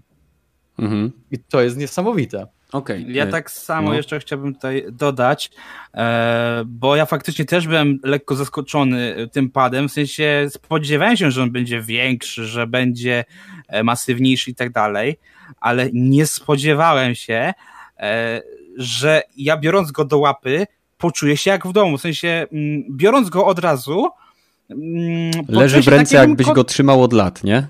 Tak, dokładnie. I e, moim, ja jak potem sobie wziąłem czwu, y, od czwórki, y, gdzie na przykład właśnie od trójki i czwórki playaka mi się nie podobały pady, bo w moim mniemaniu były zdecydowanie mniejsze, jak na osobę, która ma dość jednak te pokaźne łapska, więc tu mi to, to zawsze przeszkadzało, że i te kulki i cały pad są takie, no maciupkie jednak stosunkowo. Tak czwu, ten DualSense przypomina mi tak trochę właśnie czasy e, pierwszego DualShocka, że tu on ci siedzi w łapie idealnie, nie? Y, Mhm. Y, do tego jeszcze ta chropowatość, no szczerze myślałem, że to będzie taki bajer z tą e, chropowatą powierzchnią e, od, e, z ikonkami, a powiem ci szczerze, że to idealnie w dłoniach leży. No ja jestem zachwycony tym, że to po prostu, tak jak powiedziałeś, tak jakbyś tu trzymał go całe życie, nie? Mhm. Znaczy to, jeżeli chodzi o moje doświadczenie z DualSense'em, to najbardziej mnie właśnie zdziwiło to, o czym ty powiedziałeś, że się go bierze do ręki i po pierwsze on w żadnym wypadku nie jest większy. On, on tak wpada w dłoń, że w momencie, kiedy na przykład teraz mam przed sobą Duala, to w momencie, kiedy chwytam tego pada, autentycznie czuję, jak na przykład te elementy, co są y, no, przy gałkach, wbijają mi się w palce no faka, tak? Ten najdłuższy, co jest serdeczny, no whatever. To czuję, jak plastik mi autentycznie się w nie wbija. A chwycisz DualSense'a, on leży w dłoni bez żadnego miejsca ucisku, nacisku, y, takiego ergonomia jest o niebo lepsza niż to, co mamy w chwili obecnej na PlayStation y, 4. I odnośnie pada jeszcze jedna rzecz, naprawdę zrobiła na mnie wrażenie. W, tak naprawdę tylko na początku, mówiłem o tym troszeczkę w swoim materiale takim wstępnym o, o PlayStation, ta haptyka, która tam jest, bardzo mi się podoba, jak to jest dobrze wykorzystane, ale tak naprawdę w momencie, kiedy gram w Moralesa, czy kiedy gram w, w nie wiem, w Demon Souls, czy nie wiem, Bugsnax, czy nie wiem, Astro Playroom, to to jest coś, co uzupełnia to, co się dzieje na ekranie w sposób tak naturalny, że o ile nie jest tak jak w, w Astro, gdzie, gra na przykład czasem wymaga, żeby mówić ci popatrz na pad i nim poruszaj i wtedy faktycznie czujesz, że tam nie wiem, coś się przesypuje lub coś tam wpada do środka lub coś się tam z tym dzieje, to, to w tak naturalny sposób rozszerza świat gry w, w twoich dłoniach, że to nie zwraca uwagi, ale jednocześnie, kiedy spróbujesz wrócić do poprzedniego kontrolera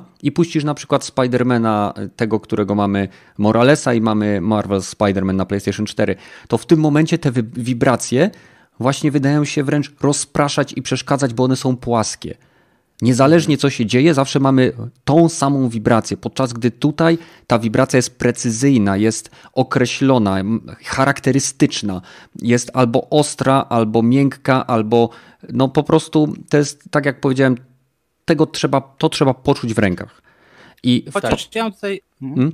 Bo mam jedno pytanie, a nie miałeś takiego wrażenia e, w Moralesie, że jednak e, te naciskanie, e, jak naciskasz e, ten e, przycisk od wypuszczania sieci, to nie sądzisz, że takie jednak trochę takie, to jest takie jak mrowienie bardziej niż jakbyś faktycznie to czuł. Dla mnie na przykład pod tym kątem myślałem, że mhm. Mores bardziej będzie to wykorzystywał, bo tak jak właśnie na przykład w kodzie, to naprawdę to czujesz i taką, możesz mieć taki, wiesz, symulację tego, jakbyś trzymał prawdziwą broń w dłoniach, e, wiesz, za ten prawdziwy sposób, a jednak w Moralesie to mm, fakt, ja nie mam teraz obecnie gry na PS4, więc ciężko mi te, to porównać, e, ale e, dla mnie to było takie, że e, wiesz, nie Morales nie stawiał tak dużego oporu przy E, naciskaniu e, sieci. Myślałem, że to będzie bardziej podkreślone. E, to jest jedna rzecz, a drugą rzecz, co mnie na przykład mówię, po jakichś kilku, tam może nie godzinach, ale kilku minutach używania,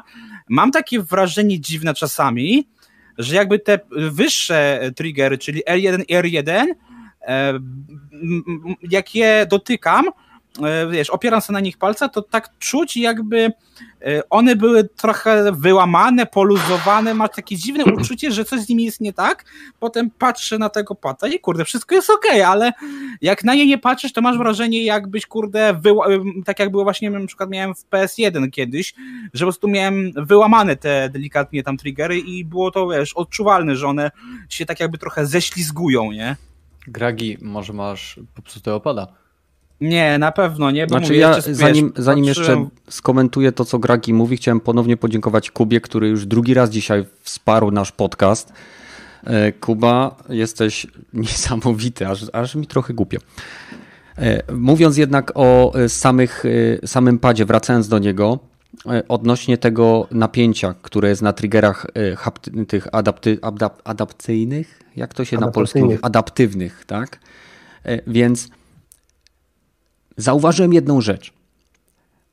Te doznania, które w chwili obecnej oferuje DualSense, wymagają od graczy troszeczkę, jeżeli chcemy je poczuć. Pamiętajcie te triggery, o ile nie jest to taki bardzo silny opór, jak w przypadku strzelanek, gdzie musimy nacisnąć spust, to nie będziemy tego aż tak odczuwali. W momencie, kiedy ja strzelałem siecią delikatnie w Spider-Manie, czyli nie, nie, wciskałem tak jak z przyzwyczajenia, nie trigger do, do, deski, do deski, to w momencie, kiedy wciśniesz ten trigger i go trzymasz yy, naciśniętego, to napięcie na tym triggerze yy, od momentu wystrzelenia do momentu, kiedy znajdujesz się w najniższym punkcie swojego bujnięcia, i ono wtedy jest najsilniejsze. Trigger ci najmocniej napiera na palec i później on z powrotem wraca do luźnego.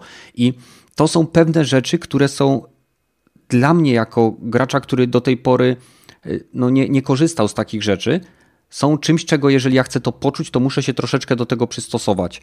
Y, to jest troszeczkę tak, jak pierwszy raz wsiadłem do samochodu z automatem i położyłem prawą rękę na gazie, a lewą na hamulcu, y, zamiast na sprzęgle. Więc wiecie, jak to się skończyło. Od razu ja niby mam hamować, a tu jak na sprzęgło, nie? Gaz do dechy, wszyscy się odbili od tapicerki, nie? Więc to jest coś, co na pewno będzie o wiele większą frajdę dawało w sytuacjach, kiedy my jako gracz y, mamy bardzo silny feedback, bo my nie jesteśmy przyzwyczajeni do delikatnych y, informacji spłynących z pada. Albo wduszamy przycisk do końca, albo wcale. Dlaczego, dlatego właśnie mamy na przykład fizyczne y, button stopy czy hard stopy w, w kontrolerach Pro, takich jak Razer Rage'u, czy skafy, czy inne takie. Tam mamy fizyczną blokadę, ponieważ my jako gracz nie zastanawiamy się nad tym, jak daleko my wciskamy ten trigger, tylko chcemy jak najszybciej mieć reakcję. I to zwróciło właśnie moją uwagę, że były te sekwencje, gdzie kiedy był, był ten silny opór triggera, to było to dla mnie, o, fajnie. Ale w Moralesie, w codziennej grze, o wiele bardziej dla mnie są odczuwalne te wibracje, ich precyzja, niż działanie samych triggerów. No. Nie, no, nie to świetnie pokazuje właśnie na ten Astro, bo, to było świetne, że bo w normalnym padzie to my po prostu robimy wibracje, a tutaj odczuwamy każdą, co się dzieje na ekranie. Na przykład padał deszcz, to tak delikatnie mieliśmy mhm. puknięcia na całym padzie, nie tylko w jednym miejscu. Nie? To jest właśnie to chyba strasznie największe Ja nie wiem, jak oni to robią. Tam są tylko no. dwa. Yy, tak samo. Dwa tak te... samo na różnych. No. Tak, tak. No, tak samo na różnych powierzchniach, jak chodzimy tym robocikiem, to zależy jaka powierzchnia, czy lód, czy guma, czy metal, całkiem inaczej było odczuwalne na tym, to na tym padzie, nie? Ja, ja chciałem tylko um, powiedzieć, Chyba że... teraz podziękować Okalowi też. 25 ziku na czasie. No właśnie mu piszę, dzięki za dzięki. Ale sam pad jest, jest świetnie wykonany. Próbowałem ściskać z całej siły, nie, czy będzie czeszczał, to nic, nie, jest tak strasznie zbity i ogólnie jak się na niego nie patrzę, to myślę, że mam pada od Xboxa, nie, tak tą bryła jest podobna bardzo teraz. Nie ma tych kanciastych wszystkich tych... Jest mega wygodny. To jest tak. to, że y, właśnie to jest to, co też zawsze rzucało mi się w padach od Xa, że on leżał w ręce, także dłoń się na nim układała naturalnie. I teraz Sony doszła do tej ergonomii, którą ma pad Xboxa, jednocześnie pewne e, swoje charakterystyczne cechy zachowała. Tak, tak, tak co powiedział Kiwaku Okal, wielkie dzięki za wsparcie.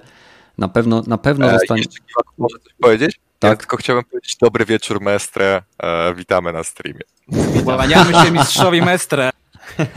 Cześć mestre. Mam nadzieję właśnie, że tam gdzie w wszystkich grach, gdzie będzie łuk, to będzie to wykorzystywane, bo to, ale tak mówisz, w grach fabularnych w singlu, tak, ale przykład i tak pewnie będą to wszyscy multi wyłączać, bo to jednak zmniejsza czas reakcji, nie? Mhm. No, ale, ale fabularnie grę chciałbym, żeby to w każdej grze było, bo to naprawdę robiło mi, to, to było świetne to uczucie, jak się to naciska, nie? Czujesz, że naciskasz coś, a nie tak po prostu naciskasz guzik, nie? No to jest, tak jak według mnie to jest coś, co jeżeli będzie dobrze wykorzystane, będzie poszerzało y, jakby świat gry, y, jakby bardziej do nas. Tak jak ten głośniczek w niektórych grach jest wykorzystywany w padzie świetnie do komunikacji radiowych czy innych rzeczy. W przypadku, kiedy ja gram y, w przypadku, kiedy ja gram na słuchawkach, to jest dla mnie bezużyteczne, ale wiem, że na przykład, kiedy moja żona gra i na przykład są różnego rodzaju audiologii, to dla niej to buduje klimat. I tak samo będzie z tymi wszystkimi wibracjami i triggerami. Jeżeli to będzie wykorzystane dobrze, a nie tak jak w przypadku Astrobota, który y, jest techdemem, który pokazuje te wibracje, dlatego ten pad praktycznie cały czas wibruje. Absolutnie cały czas. Więc dla mnie tam, tam jest taki przesyt po pewnym czasie, takie sensoryczne przeciążenie tymi, y, tymi po no, prostu. Te wszystkie to, to dmuchanie, czy to żyroskop, to mi też nie robiło że mnie wrażenia. Ale żyroskop było, jest o wiele precyzyjniejszy niż tak, jest, precyzy- jest, jest, jest, tak. Mhm. Tak samo ten touchpad też tak samo. Touchpad też A powiedzcie mi, mam, mam, mam takie pytanie, bo y, Powiedzieliśmy już o rzeczach, które na początku zrobiły na nas największe wrażenie. A teraz, y, w momencie, kiedy już minęły te kilka, minęło kilka dni od momentu, kiedy mamy konsolę PlayStation 5, po tym czasie, co na Was zrobiło największe wrażenie? Jaka funkcja konsoli sprawiła, że, e, że po prostu no jest coś takiego, co kurczę, ale zajebiście to zrobi, ale mi się to podoba. No, cicho chodzi, cisza jest. Okej, okay, to dobra. Badyl? E... Hmm. Powiem szczerze, że e, jasne, wczytywanie, e, to błyskawiczne wczytywanie się, e, się gierek jest mega, mega, mega fajną opcją, e, ale wydaje mi się, że nadal chyba w moim odczuciu wygrywa DualSense, ponieważ to jest to chyba, czego, czego mi troszeczkę brakowało, szczególnie jeżeli chodzi o gry o FPS-y, FPS-y czy gry ogólnie, w których, w których strzelamy. Pokazał mi to bardzo dobitnie Astrobot. E, on tam, że tak powiem, prezentował różne aspekty związane z tym padem. Jedne lepiej działające, drugie gorzej, ale zdecydowanie tą, e, tą która wybijała się e, przed inne, było to, jak działają triggery w momencie, gdy my strzelamy z, z broni. Mamy no, zupełnie tak jak w, tak jakbyśmy strzelali z broni ostrej, czyli mamy luz, Później mamy opór, w momencie gdy pokonamy ten opór, jest szybkie, e, jest szybkie takie puszczenie, przeskakujemy do końca, e, do końca, e, do końca zakresu ruchu tego, tego triggera i znowu jest to samo. Tak jakbyśmy po prostu wciskali, wciskali spust. Okay. I to jest tak mega doświadczenie. To jest to, czego po prostu, to jest to, co powinno być moim zdaniem i to, na co ja mega czekałem. I... Okej, okay. a powiedz mi w takim razie, czy skoro to ci się podoba, to czy nie będzie ci to przeszkadzać w grach sieciowych? Dlaczego by miało? Nie no, pytam się, bo na przykład wielu graczy twierdzi, że te wibracje i ten opór triggerów będzie im przeszkadzał. Powiem ci, że w życiu e, czegoś takiego nie, e, nie rozumiałem. Chociaż ja nie wiem, czy osobiście nie będę korzystał, e, jeżeli chodzi o Apexa na przykład. Ja nie wiem, czy nie będę korzystał dalej z mojego Razera Rage'u, jeżeli będzie, e, będzie działał oczywiście, bo dla mnie dość istotne jest to, żeby posiadać dodatkowe przyciski jednak. To jest, to jest must have, jeżeli chodzi o strzelanki. No i tego Delosy brakuje, nie? E, tutaj tego troszeczkę brakuje, tak. I, I tak samo możliwość zablokowania sobie triggera, żeby on nie leciał jednak do końca, tylko żeby faktycznie stawiał mi opór. Ja wtedy dostaję feedback, że ok, dobra, już nie musisz lecieć dalej, tylko szybciutko napierdalasz paluszkiem i, i, e, i zabijasz mm. gości. Także e, nie wiem, czy mi będzie to przeszkadzać, bo nie wiem, czy będę po prostu korzystał z tego pada w momencie, gdy, gdy będę grał w strzelanki, ale to tylko ze względu na to, że mam dedykowany pod strzelanki kontroler. Okej, okay, no bo y, skoro oni są w stanie zatrzymać ten trigger do pewnego momentu, wiadomo, nie są go w stanie zatrzymać w 100%, bo w tym momencie odpowiednio wyposażony w odpowiednio wymięśniony palec gracz po prostu go zerwie, ale w teorii w przyszłości na przykład będziemy mogli mieć w grze ustawienie hard stopa, które będzie nam skróca, skracało czas pracy triggera. Bo do tej pory musieliśmy to robić mechanicznie, albo software'owo bez faktycznej blokady, tak jak w Nakonie V3. A teraz wyobraźcie sobie sytuację, gdzie wchodzimy w menu Call of Duty albo Battlefielda i ustawiamy sobie po prostu procentowo, po jakim momencie ma się dziać coś takiego jak w przypadku zablokowania broni, to o czym mówiłeś, tak? Czy yy, oporze spustu. I oni w tym momencie są w stanie mechanicznie ustawić hardstopa w dowolnym punkcie, yy, jakby Kuba, dzięki. W dowolnym. No, normalnie gość mnie wykończy dzisiaj. Bardzo dziękuję Ci, Kuba, za wsparcie. E, więc e, są w stanie teoretycznie ustawić tego hardstopa w dowolnym punkcie, który może być sterowany przez gracza. To jest bardzo ciekawa opcja. Tak, to jest ciekawe, tylko e, ciekawy jestem samej, samej pamięci mięśniowej i, i, że tak powiem, przyzwyczajenia naszego, mhm. jak to zadziała, bo w momencie, gdy mam taki twardy opór na Rage'u, no to wiem, ok, tu koniec, nie idziesz dalej, Badel, nie? Ale w momencie, gdy będę mógł pokonać dalej ten opór, nie? Wiemy, jak działa, działają FPS-y, emocje, mhm. jakaś tam, nie wiem, adrenalina i, i, i tak dalej. Nie wiem, czy ja nie będę chciał mimo wszystko pokonać tego oporu i nie będę szedł dalej niż ten opór e, będzie się zatrzymywał, bo tutaj jednak musimy delikatnie to zrobić, w sensie stosunkowo, stosunkowo delikatnie, nie? Tak naprawdę nie wiemy, bo podobno w Deathloop ma być możliwość blokowania całkowitego triggera związanego z zablokowaniem broni, więc nie znamy, nie wiemy jak silny opór jest w stanie postawić ten e, silniczek. Może to jest wystarczający opór, żebyś po, nie wiem, godzinie, pięciu dniach czy tygodniu nauczył się, że jak czujesz ten opór, to wystarczy. Nie no, jasne, jasne. Dlatego, tak jak mówię, może tak być, a może być e, inaczej, nie? Także ciekaw jestem, żeby, żeby to sprawdzić. Mhm. Daje, daje duże możliwości ten pad nie? do, do regulacji. Zobaczymy, jak będą wykorzystywać to. Nie? Okej, okay. mam kolejne pytanie do wszystkich, którzy posiadają PlayStation 5. Czy konfigurowaliście zestaw słuchawkowy pod audio 3D, czyli ten Tempest, który Sony oferuje w swojej konsoli? Pozwolisz, że ja zacznę, e, bo ja akurat mówię, to mnie właśnie bardzo interesowało e, bo ja właśnie mam bzika na punkcie dźwięku i się nawet zastanawiałem i cały czas się zastanawiam delikatnie jeszcze nad tą kwestią, czy nie kupić sobie tych słuchawek. E, ale powiem Ci tak, podłączyłem swoje Corsery HS45 Surround, e, które mają bardzo fajną jakość dźwięku, którą ja jestem bardzo z niej zadowolony od, od dłuższego czasu, więc ja byłem tu ciekaw, e, czy będę musiał jakoś dokonfigurować to. No musisz. I powiem Ci, nie ma opcji, nie, nie, że nie konfigurujesz. Czy nie, chodzi, że nie, chodzi że wiesz, czy ja będę musiał sobie jakoś to dostosowywać, czy to, co mi producent zaoferuje, to wystarczy, nie? I powiem ci szczerze, że teraz tak, odpaliłem to sobie, włączyłem i różnica jest wyraźna. E, co ciekawe, nawet gry, które nie obsługują tak defaultowo jak na przykład Morales e, tych funkcji, mają to wyraźne, bo na przykład odpaliłem... Ale przepraszam, przepraszam Gragi, bo nie jestem pewien, czy my się dobrze rozumiemy. Czy e, wchodziłeś w opcję, w której woda płynęła ci obok uszu? Tak, tak, i ja zostawiłem to na domyślne, bo właśnie. Ale nie e, przestawiałeś, e, nie szukałeś tego idealnego dla nie, siebie właśnie ustawienia? Przy, nie, właśnie przeszukałem wszystkie pięć i najlepiej na moje ucho było na domyślnym. Okej, okay, no bo to z ciekawości ci powiem, że moje na idealne było na piątym czyli tym najniższym. Tak jest. E, bo, bo dla mnie właśnie było tak, e, im niżej, no to było bardziej basowe, ale takie, no nienaturalne, a im wyżej, no to było słychać takie te świsty i to mówię, dlatego na moje ucho, ale to wiadomo, każdy ma inny mhm. słuch, e, Najlepiej było jednak na tym domyślnym, bo jednak wszystko się gdzieś tam to wyrównało i wszystkie te detale jesteś w stanie wysłyszeć, jeżeli masz Ale... nieskażony słuch. Okej, okay, mam kolejne pytania bo w momencie, kiedy ja przełączałem te opcje, ja czułem wysokość, na której jest ten dźwięk. I w momencie, kiedy byłem najwyżej, słyszałem ten dźwięk wody nad głową.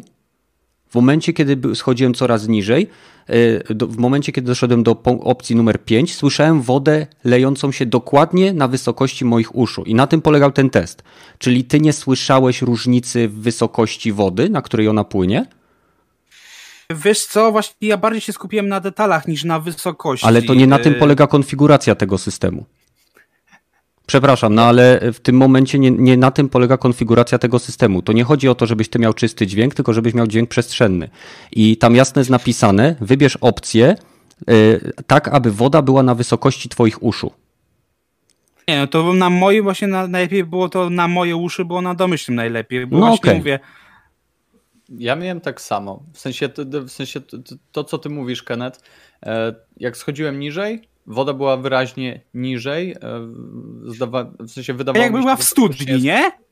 Nie wiem, w czym była. Była tak niżej płynęła po koło, dokładnie, niżej, ale tak jakby płynęła, ale niżej, dokładnie tak jak mówisz, a na tym domyślnym e, to był chyba ten trzeci poziom, tak? No to była faktycznie mm. na równi z, z tym otworem, otworem słuchowym, także tam, tam też zostawiłem i powiem wam szczerze, że e, gdybyś ty mi Kenneth tego nie, nie powiedział, nie przypomniał mi o tej opcji, ja bym sam nie trafił w ogóle, nie wpadł na pomysł, że mogę wejść w ustawienia i tego poszukać, e, bo osobiście mnie jeszcze przeraża ten, ten interfejs, e, nie mogę się w nim odnaleźć, mhm. mimo że ja jest też, ja prosty, też. ale znalazłem tę opcję, wchodzę, mówię, dobra, Kenneth coś tam gadał o słuchawkach, to sprawdzę, nie wiem, do podcastu coś powiem fajnego i Jezus to mi tak uratowało e, budżet, bo ja się bałem, że nie będę mógł korzystać i tak naprawdę nie, nie korzystam z moich tritonów starych, z moich słuchawek e, i się przeraziłem, że będę musiał Jezu, znowu wydawać kasę na słuchawki. Nie, nie będę musiał, bo podstawowe słuchawki tam, nie wiem, od jakiegoś telefonu wpięte wpada, działają zajebiście. Działają naprawdę mega zajebiście i ja już dziękuję, nie wiem, kupię sobie jakieś nauszniki, czy będę używał tych try, e, e, trytonów, żeby, e, żeby sobie po prostu wygłuszyć otoczenie, ale to mi totalnie wystarcza. Ja mam tylko takie jeszcze pytanie odnośnie tego, co mówisz, Badel. E, czy jak korzystałeś z tego 3D audio, to czy dla ciebie to była taka faktycznie różnica, że to było coś, czego nie słyszałeś, nie doświadczyłeś wcześniej, czy to było dla ciebie takie, powiedziałbym, bardziej naturalne, tak jak z tym DualSense, że, że takie no, normalny dźwięk, bym powiedział, że to nie jest nic czego byś, nie wiem, nie słyszał wcześniej albo nie oczekiwał, że usłyszysz, bo dla mnie na przykład było tak, że jak ja to sobie odpaliłem, to mówię, jeszcze właśnie porównałem sobie nawet z FIFA, gdzie mamy ten soundtrack tle i ja tu miałem też na tym porównanie E, że bez e, tego 3D audio to jednak te basy, te wysokie tony e, brzmią kiepsko, po prostu tak czegoś brakuje. Tak złączonym to jednak jest to bardziej takie dobitne, przestrzenne i fajne, ale dla mnie na przykład to jest, było coś takiego, że jak ja tego słuchałem, to nie było to coś, czego na przykład moje słuchawki nawet na domyślnym korektorze by mi nie oferowały. W sensie, to jest jak najbardziej super, ale czy to jest taki game changer, jakiego byśmy się spodziewali? Znaczy, w sensie... odpowiedz Badel, bo ja też chcę odpowiedzieć później. Dorzucę ja się do tylko... odpowiedzi. Jasne. Ja chciałem tylko powiedzieć, że korzystałem z tych słuchawek e, podczas grania na Play... dokładnie z tych samych słuchawek telefonowych e, podczas korzystania na PlayStation 4, e, ale że tak powiem nie sprawdziły się, więc dlatego używałem tych, tych trytonów. A teraz w momencie, gdy z telewizora, z dźwięku z telewizora przesiadłem się na słuchawki dzięki radzie e, Keneta, no to ja już, tak jak ci mówię, to mnie totalnie zadowala i nie mam potrzeby szukać nic więcej, bo wiem, że to jest spoko i jasne, to może być kwestia tego, że do tej pory grałem na telewizorze, dostałem słuchawki, jest ok, ja nie jestem żadnym audiofilem, ale tak jak mówię, mi to wystarczy i one fajnie e, grają. That's all. No właśnie, nie. czyli to jest spoko, ale czy to jest dla ciebie wow, odkryłem coś nowego? To ja ci to odpowiem może. Chyba, że Badr chcesz dodać. Nie, śmiało lecisz. Okej. Okay. Więc powiedz mi, jak skonfigurowałeś to, to w jakiej grze to testowałeś? Moralesie przede wszystkim. Moralesie. Bo teraz tym najwięcej siedzę. Okej. Okay. Byłem też w Valhalla. Na tym Valhalla też testowałem swego okay. czasu, ale no też umówmy się, że Valhalla. W chwili obecnej jedyne dwie gry, które wspierają Tempest, to jest Morales i Demon Souls. Jeszcze chyba Astro dostał coś. Yy, tego, też, co, też, też, też, też, też. No ale to jest gierka Ale Astro nie, nie wykorzystuje tego tak mega, yy, nie? a Demon Soulsów nie mam. I powiedz mi, bo ja osobiście korzystałem z, kiedyś, znaczy nadal korzystam z kina domowego, y, korzystałem ze słuchawek Trytonów 5.1, które miały faktyczne 5 czy 4 głośniki w każdej słuchawce, gdzie każdy odpowiedział za inny kanał 5.1. Miałem SteelSeriesy H800, teraz mam SteelSeriesy e, Wireless Pro i żadna z tych słuchawek, ani nawet kino domowe, nie dało mi takiej precyzji kierunku e, i lokalizacji dźwięku, jak e, ten ten system, który wprowadziło Sony. Tylko tutaj też trzeba zaznaczyć, że Sony przeprowadziło badania na setkach osób i stworzyło setki profili, z których wybrało 6 czy 5 najbardziej popularnych. I to, że ktoś nie słyszy dokładnie kierunkowości i dla niego to brzmi jak lepsze stereo lub troszkę lepsza, e, lepszy dźwięk przestrzenny, może wynikać z tego, że jego profil HRTF nie mieści się w, w tych profilach, które zebrało Sony.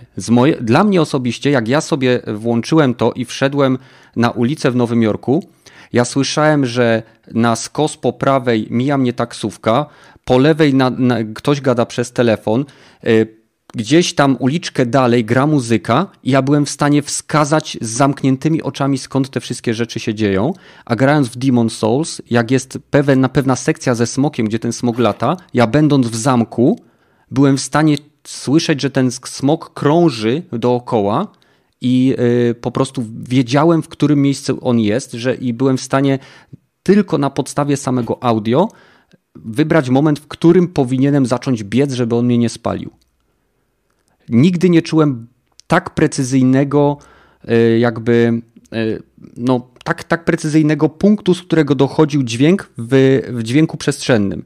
Niezależnie czy to było Dolby Atmos, niezależnie czy to było 5.1, 7.1, e, kino w, w, czy, czy cokolwiek innego. I odnośnie pytania, bo też zauważyłem, że ktoś tam się pytał o wsparcie dla Atmosa. Poczekajcie. To jeżeli weźmiecie sobie pudełko, to tutaj na konsoli pisze, że jest Dolby Audio i DTS HD Master Audio. Więc na chwilę obecną, e, poczekajcie, co tu pisze. License Dolby Laboratories. Hmm, hmm, hmm.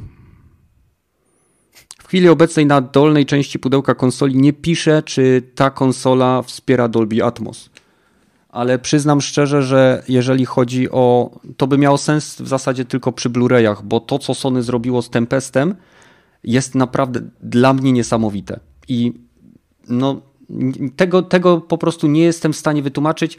W momencie, kiedy wybieram opcję numer 5, ta woda cieknie do, dosłownie w te koło moich uszu i wszystko inne później zaczyna działać. To skończyliśmy już temat słuchawek i dźwięku, czy jeszcze Dawaj, trochę? następ... Dawaj następne pytanie.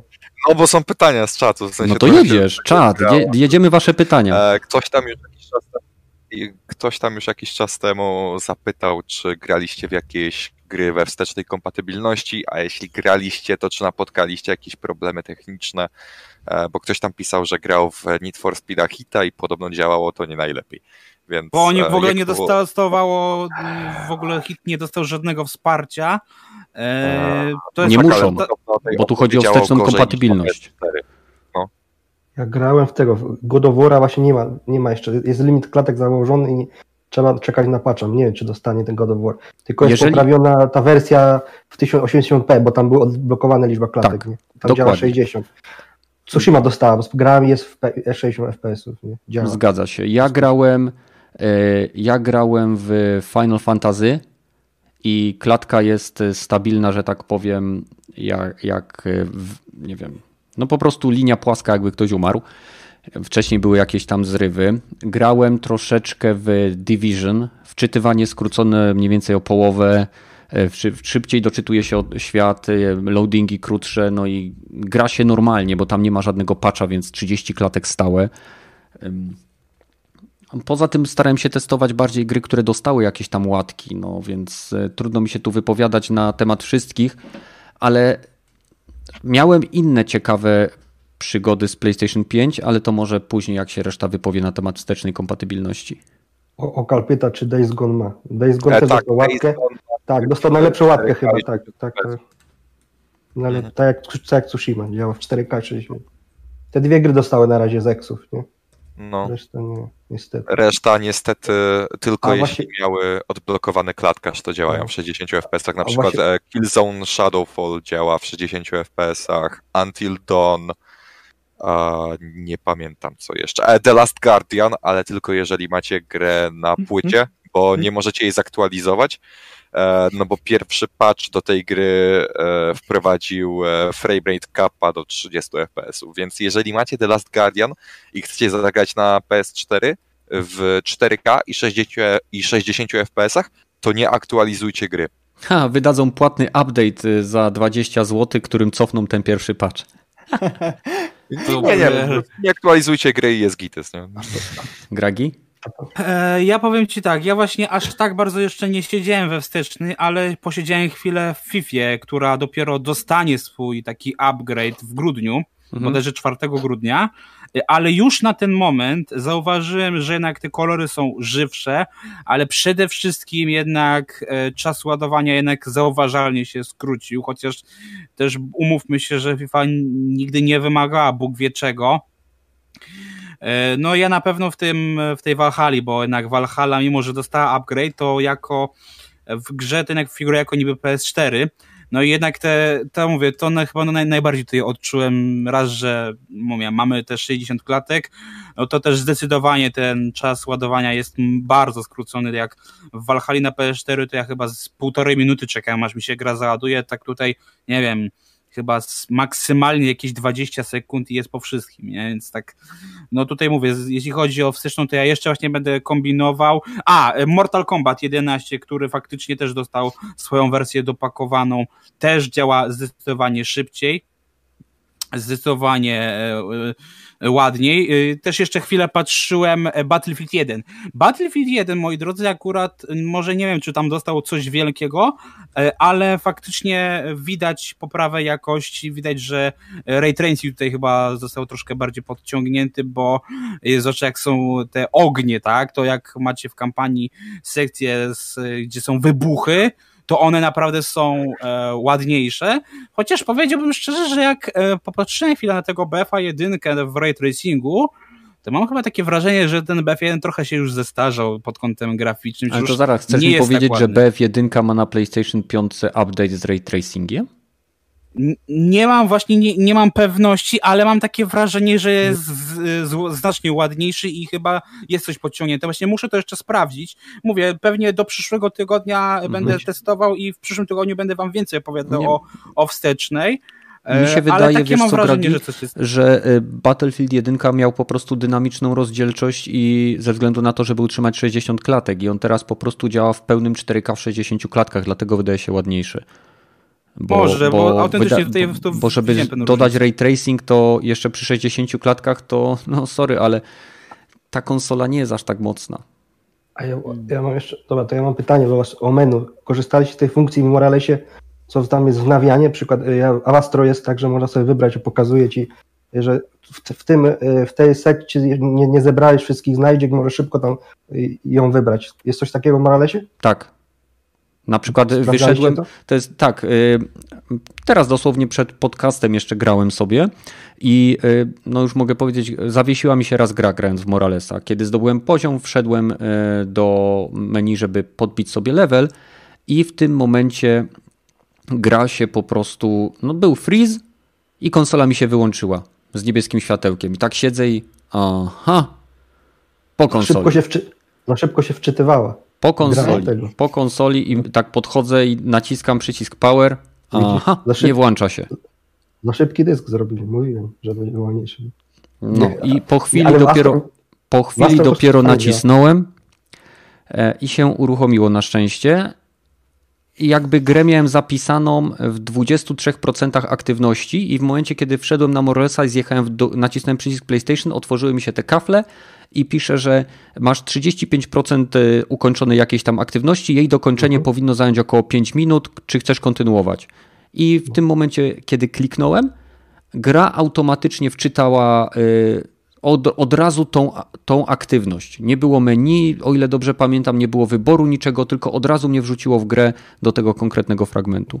No to też super sprawa jest. To, a to też testowałem, też to działa wczytuje od razu cię, nie musisz przez menu, tylko od razu ci tam wczytuje do tego sektora i, i grasz ten moment, nie? Fajne ja chciałem powiedzieć, że nie miałem żadnych, e, żadnych błędów związanych z działaniem konsoli, e, ponieważ e, oglądałem swój filmik i nic mi się złego nie stało, bo mhm. uważam na wszystko i bardzo mhm. dzielnie użytkuję tę konsolę, bardzo ostrożnie. Za to dużo błędów pojawiło mi się już ze strony samego Spidermana, jakieś glicze, jakieś postaci wchodzące w ściany, E, takie głupotki, ale, ale wkurwiają. Właśnie, jak jest wykorzystywany ten e, wibracje w, w tym w Spider-Manie? Przy, przy huśtaniu się jest ten coś tam? Przy, przy wszystkim. tak, ale przy huśtaniu bardzo mi się podoba to, to, to mówiłeś, Kenneth, e, że jak puszczasz sieć, to z początku na triggerze masz malutki opór, później pojawia ci się większy w momencie, gdy sieć jest zaczepiana o sam budynek, no bo wiadomo, jak już na niej lecisz, to, to pewnie wymaga to więcej wysiłku Mm, po prostu czujesz ten opór na padzie, no i później cały proces się, się gdzieś tam powtarza. Bardzo, bardzo fajne, jednak e, podczas latania po, e, po samym budynku, e, Boże, po samym mieście, no zapomina się o tym, w sensie traci się poczucie tego, bardzo szybko się do tego przyzwyczaja, także no. Mhm. A w grze, w grze pada deszcz, czy nie? Nie, nie pada? Śnieg, śnieg. pada? Tylko śnieg, a to wtedy nie ma wibracji chyba, nie? No. Tak, nie, no to drugi, drugi z, bo ja też przyznam szczerze, nie posłuchałem niezwykle przydatnego i informacyjnego filmiku Badyla. E, w ostatnich giereczkowych nowościach to było chyba wszystko fajnie wyjaśnione, prawda? Ja słuchałem i dałem podgrzejnik. Tak, Badyl kazał. Bardzo dobrze. No. Też dałem, wiesz, chwilę, żeby tak posiedział sobie w spokoju, żeby się ogrzał, bo tak samo zimno jak w piździarni, nie? Mm -hmm. Więc tak trochę trzeba było miłości dać playakowi.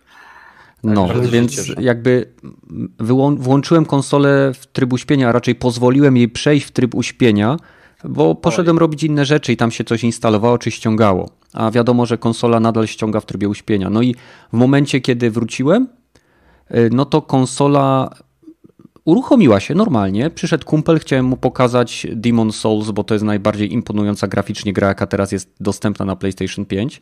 I E, wszystko było ok, pokazałem mu sam prolog, tworzenie postaci i w pewnym momencie tam się wchodzi po takich schodach, skręca się w lewo i są ci pierwsi rycerze z takimi tarczami, ze świecącymi na niebiesko oczami, czy jakimś klejnotem w klacie, nieważne. I w tym momencie całe dynamiczne światło w tej, w, te, w tej grze zaczęło znikać. W sensie zrobiła się absolutna czerń i nie byłem w stanie nic z tym zrobić. Musiałem e, po prostu wyłączyć konsolę, włączyć ją ponownie i dopiero wtedy jakby się wszystko wyczyściło i zaczęło normalnie działać. Natomiast e, jeszcze jedną rzecz miałem taką bardzo dziwną. W momencie, kiedy testowałem konsolę do streamu, który może uda mi się zrobić w dniu jutrzejszym popołudniową porą z PlayStation 5, to oczywiście wyłączyłem konsolę, wypiąłem HDMI, przepiąłem na HDMI, które prowadzi tutaj jakby do mojej karty przechwytującej. No i test wyszedł poprawnie, więc wróciłem sobie do podpięcia pod telewizor, no bo jednak na dużym telewizorze z ładnym obrazem 4K się gra przyjemniej w takie gry, bo Spider-Man i Demon Souls są tak ostre, że można się pociąć czas, patrząc na obraz. I wyobraźcie sobie, konsola przestała mi rozpoznawać, że mój telewizor wspiera HDR. I mówię, no kuźwa, uszkodziłem port HDMI, bo wypinałem sobie ten Wypinałem sobie kabelek i przepinam raz, drugi, trzeci. No nic nie działa. Uruchamiam ponownie konsolę, uruchamiam ponownie telewizor, wykrywam na nowo port. Nic nie działa. Okazało się, że musiałem wyłączyć i włączyć jeszcze raz HDCP i w tym momencie zaskoczyło. Więc ewidentnie Sony ma jakiś problem software'owy związany z HDMI, związany z trybem e, jakby uśpienia, więc po prostu obejrzyjcie sobie giereczkowe nowości Badyla i posłuchajcie jego rad i nie róbcie tych rzeczy, bo no. po prostu szkoda tak naprawdę oddawać konsolę na serwis ze względu na bug, który może być prawdopodobnie, mam nadzieję, rozwiązany aktualizacją systemu. A to powiem ci, że mi też się wyświetlało, że tam właśnie nie wykrywa mi HDR-a, że jest wyłączony. E, byłem pewien, że hej, może mój telewizor nie ma HDR-a czy coś i tak się zacząłem zastanawiać, ale widzę, że ten błąd to raczej jest powszechny. Ale nie, tak. ja, ja testowałem w trzech grach, wszędzie mi się odpalał normalnie HDR. W ogóle pierwsze, pierwsze uruchomienie też od razu się odpalił. Było ta, ta, wiesz, ta plansza, wiesz, żeby ustawić i to potem nie miałem problemu. To właśnie to jest fajnie, że nie trzeba ustawiać do żadnej gry, nie sam musi ustawić. No, niż w PC na przykład. W PC Ale w ustawieniach, w ustawieniach masz włączony HDR? W ustawieniach? Tak, tak. W zasadzie pokazuje, że on, tak, mam cały czas włączony HDR. Okay. Nie wszystkie gry też wspierają HDR. Ale chyba Astro wspiera, nie? Mi się tak. wydaje, że no, bo było włączone, bo sprawdzałem na telewizorze, nie? Mhm. Ten, ten, to pisało HDR i Ultra HD, nie? Mhm. No, nie, no, to, no. to działa dobrze. Coś jeszcze tam ciekawego było? No menu szybko działa, jest, mi się podoba. Bo tam menu działa bardzo szybko. Troszeczkę tak. czasu zajęło mi znalezienie, gdzie się ustawia długość nagrywania materiałów. Dalej się nie mogę przyzwyczaić, że teraz ta, wiesz, ta belka jest na dole, nie do góry, nie? Tak, no. I tak szukam i naciskam, nie ma tej belki, no nie ma, no, ona do tego. I macie też tak, macie też tak, że was wkurza teraz, że ten przycisk PlayStation jest na środku, bo się go o wiele częściej używa? Znaczy ten przycisk to jest y, no, dziwnie miejsce, ale te, też te dwa, wiesz, share i setting w dużo lepszych miejscach teraz są. Szybciej można do nich dojść. Nie? no bardzo podobnych, ale ten przycisk tak. teraz, bo ta dolna belka jest o wiele bardziej użyteczna. Tam można sobie przełączyć audio w dowolnym momencie, źródło. Tak, tak, tak. można sobie, w ogóle niewiele osób wie, ale jak się wejdzie w ustawienia tego dolnego paska, e, pasek menu start niech będzie, jak w Windowsie, to można sobie dodać przeglądarkę. A to jeszcze nie, Bo konsola ma przeglądarkę. Ja się, boję, ja się boję grzebać więcej w tych ustawieniach i chodzić po tej konsoli. Ja tylko, gdzie są ustawienia, gdzie jest pobieranie i gdzie są gierki. Wystarczy. Ja się boję dalej po prostu grzebać. No i, no i też w czwórce było, wystarczyło przytrzymać ten guzik i się można było wyłączyć konsolę, a tutaj nie, tu jest odwrotnie, tu trzeba nacisnąć i tak wyłączyć. Tak, tak, tak, tak, tak. No. I też to irytuje, nie, bo przyzwyczajenia, nie, no. To wszystko przyzwyczajenie. Takie, takie irytujące rzeczy to niech, niech no, irytują, niech, niech ich będzie coraz więcej. Nie no i też w wysokiej rozdzielczości widać, że jest ten, wszystkie te wszystkie ikony niż w czwórce, mhm. lepiej to wygląda. O i wiecie co mi się jeszcze podoba? Sposób y, w jaki można odpisywać. Jest teraz dodana opcja w komunikacji szyb, odpisz szybką wiadomość, która mhm. ci wyświetla na podstawie tekstu, który tam jest, kilka takich prostych, jedno, jednozwrotowych odpowiedzi, albo i emotikonki dodali. Wreszcie standardowe takie telefonowe emotikonki. Także no mega szybko, to mega sprawnie działa. No to Na co emotikony, które możesz po prostu napisać XD bez sensu. No ja jestem, wiesz, ja jestem boomer, także ja nie piszę XD. No tak. A... Ej, ej, dobra, wypomnę ci to następnym razem, kiedy napiszesz XD, okej? Dobra, świetnie. Ja, ja, Dla mnie to nie jest XD. Dla Ale- mnie to ale- XD to jest literka X i literka D, a dla mnie to jest bardzo mocno śmiejąca się buźka. I znam to jeszcze z czasów South Parku, bo Cartman się tak śmieje. Tak, tak, tak. Ale ja chciałem tutaj that's the powiedzieć, point. ja chciałem powiedzieć, że dziadziuś Kenneth e, tam nawet mi wysłał e, wiadomość głosową, gdzie mówi e, O jakieś kurde. rzeczy. No, także to jest w ogóle hej, wow, wow. Mikrofon w padzie, stary, to wiesz, trzeba uważać, co się nagrywa. A A i, no, no i najważniejsze pytanie. Leży u was czy stoi? no, No, u hej, mnie- u mnie szanujmy stoi. Się. No właśnie. Wiem, wiem, że Tak, jestem już y, stary, no ale nadal stoi. Ale ona i bez podstawki nie może stać, tak wygląda. Jakby No ja bym nie ryzykował. Ej, a Przykręciłem też. Czekajcie, po, poczekajcie chwilkę. E, Bo ja po chwili się dopi- oglądałem jakiś filmik na, na YouTube, jak ktoś, że tak powiem, tę konsolę modyfikuje. Ta podstawka nie jest tylko po to, żeby po, postawić ją w poziomie, tylko w pionie też konsola Też. może na niej No nie, leżeć. pamię- no nie No Badel, ty nie wiesz? Ty- No ty nie wiesz?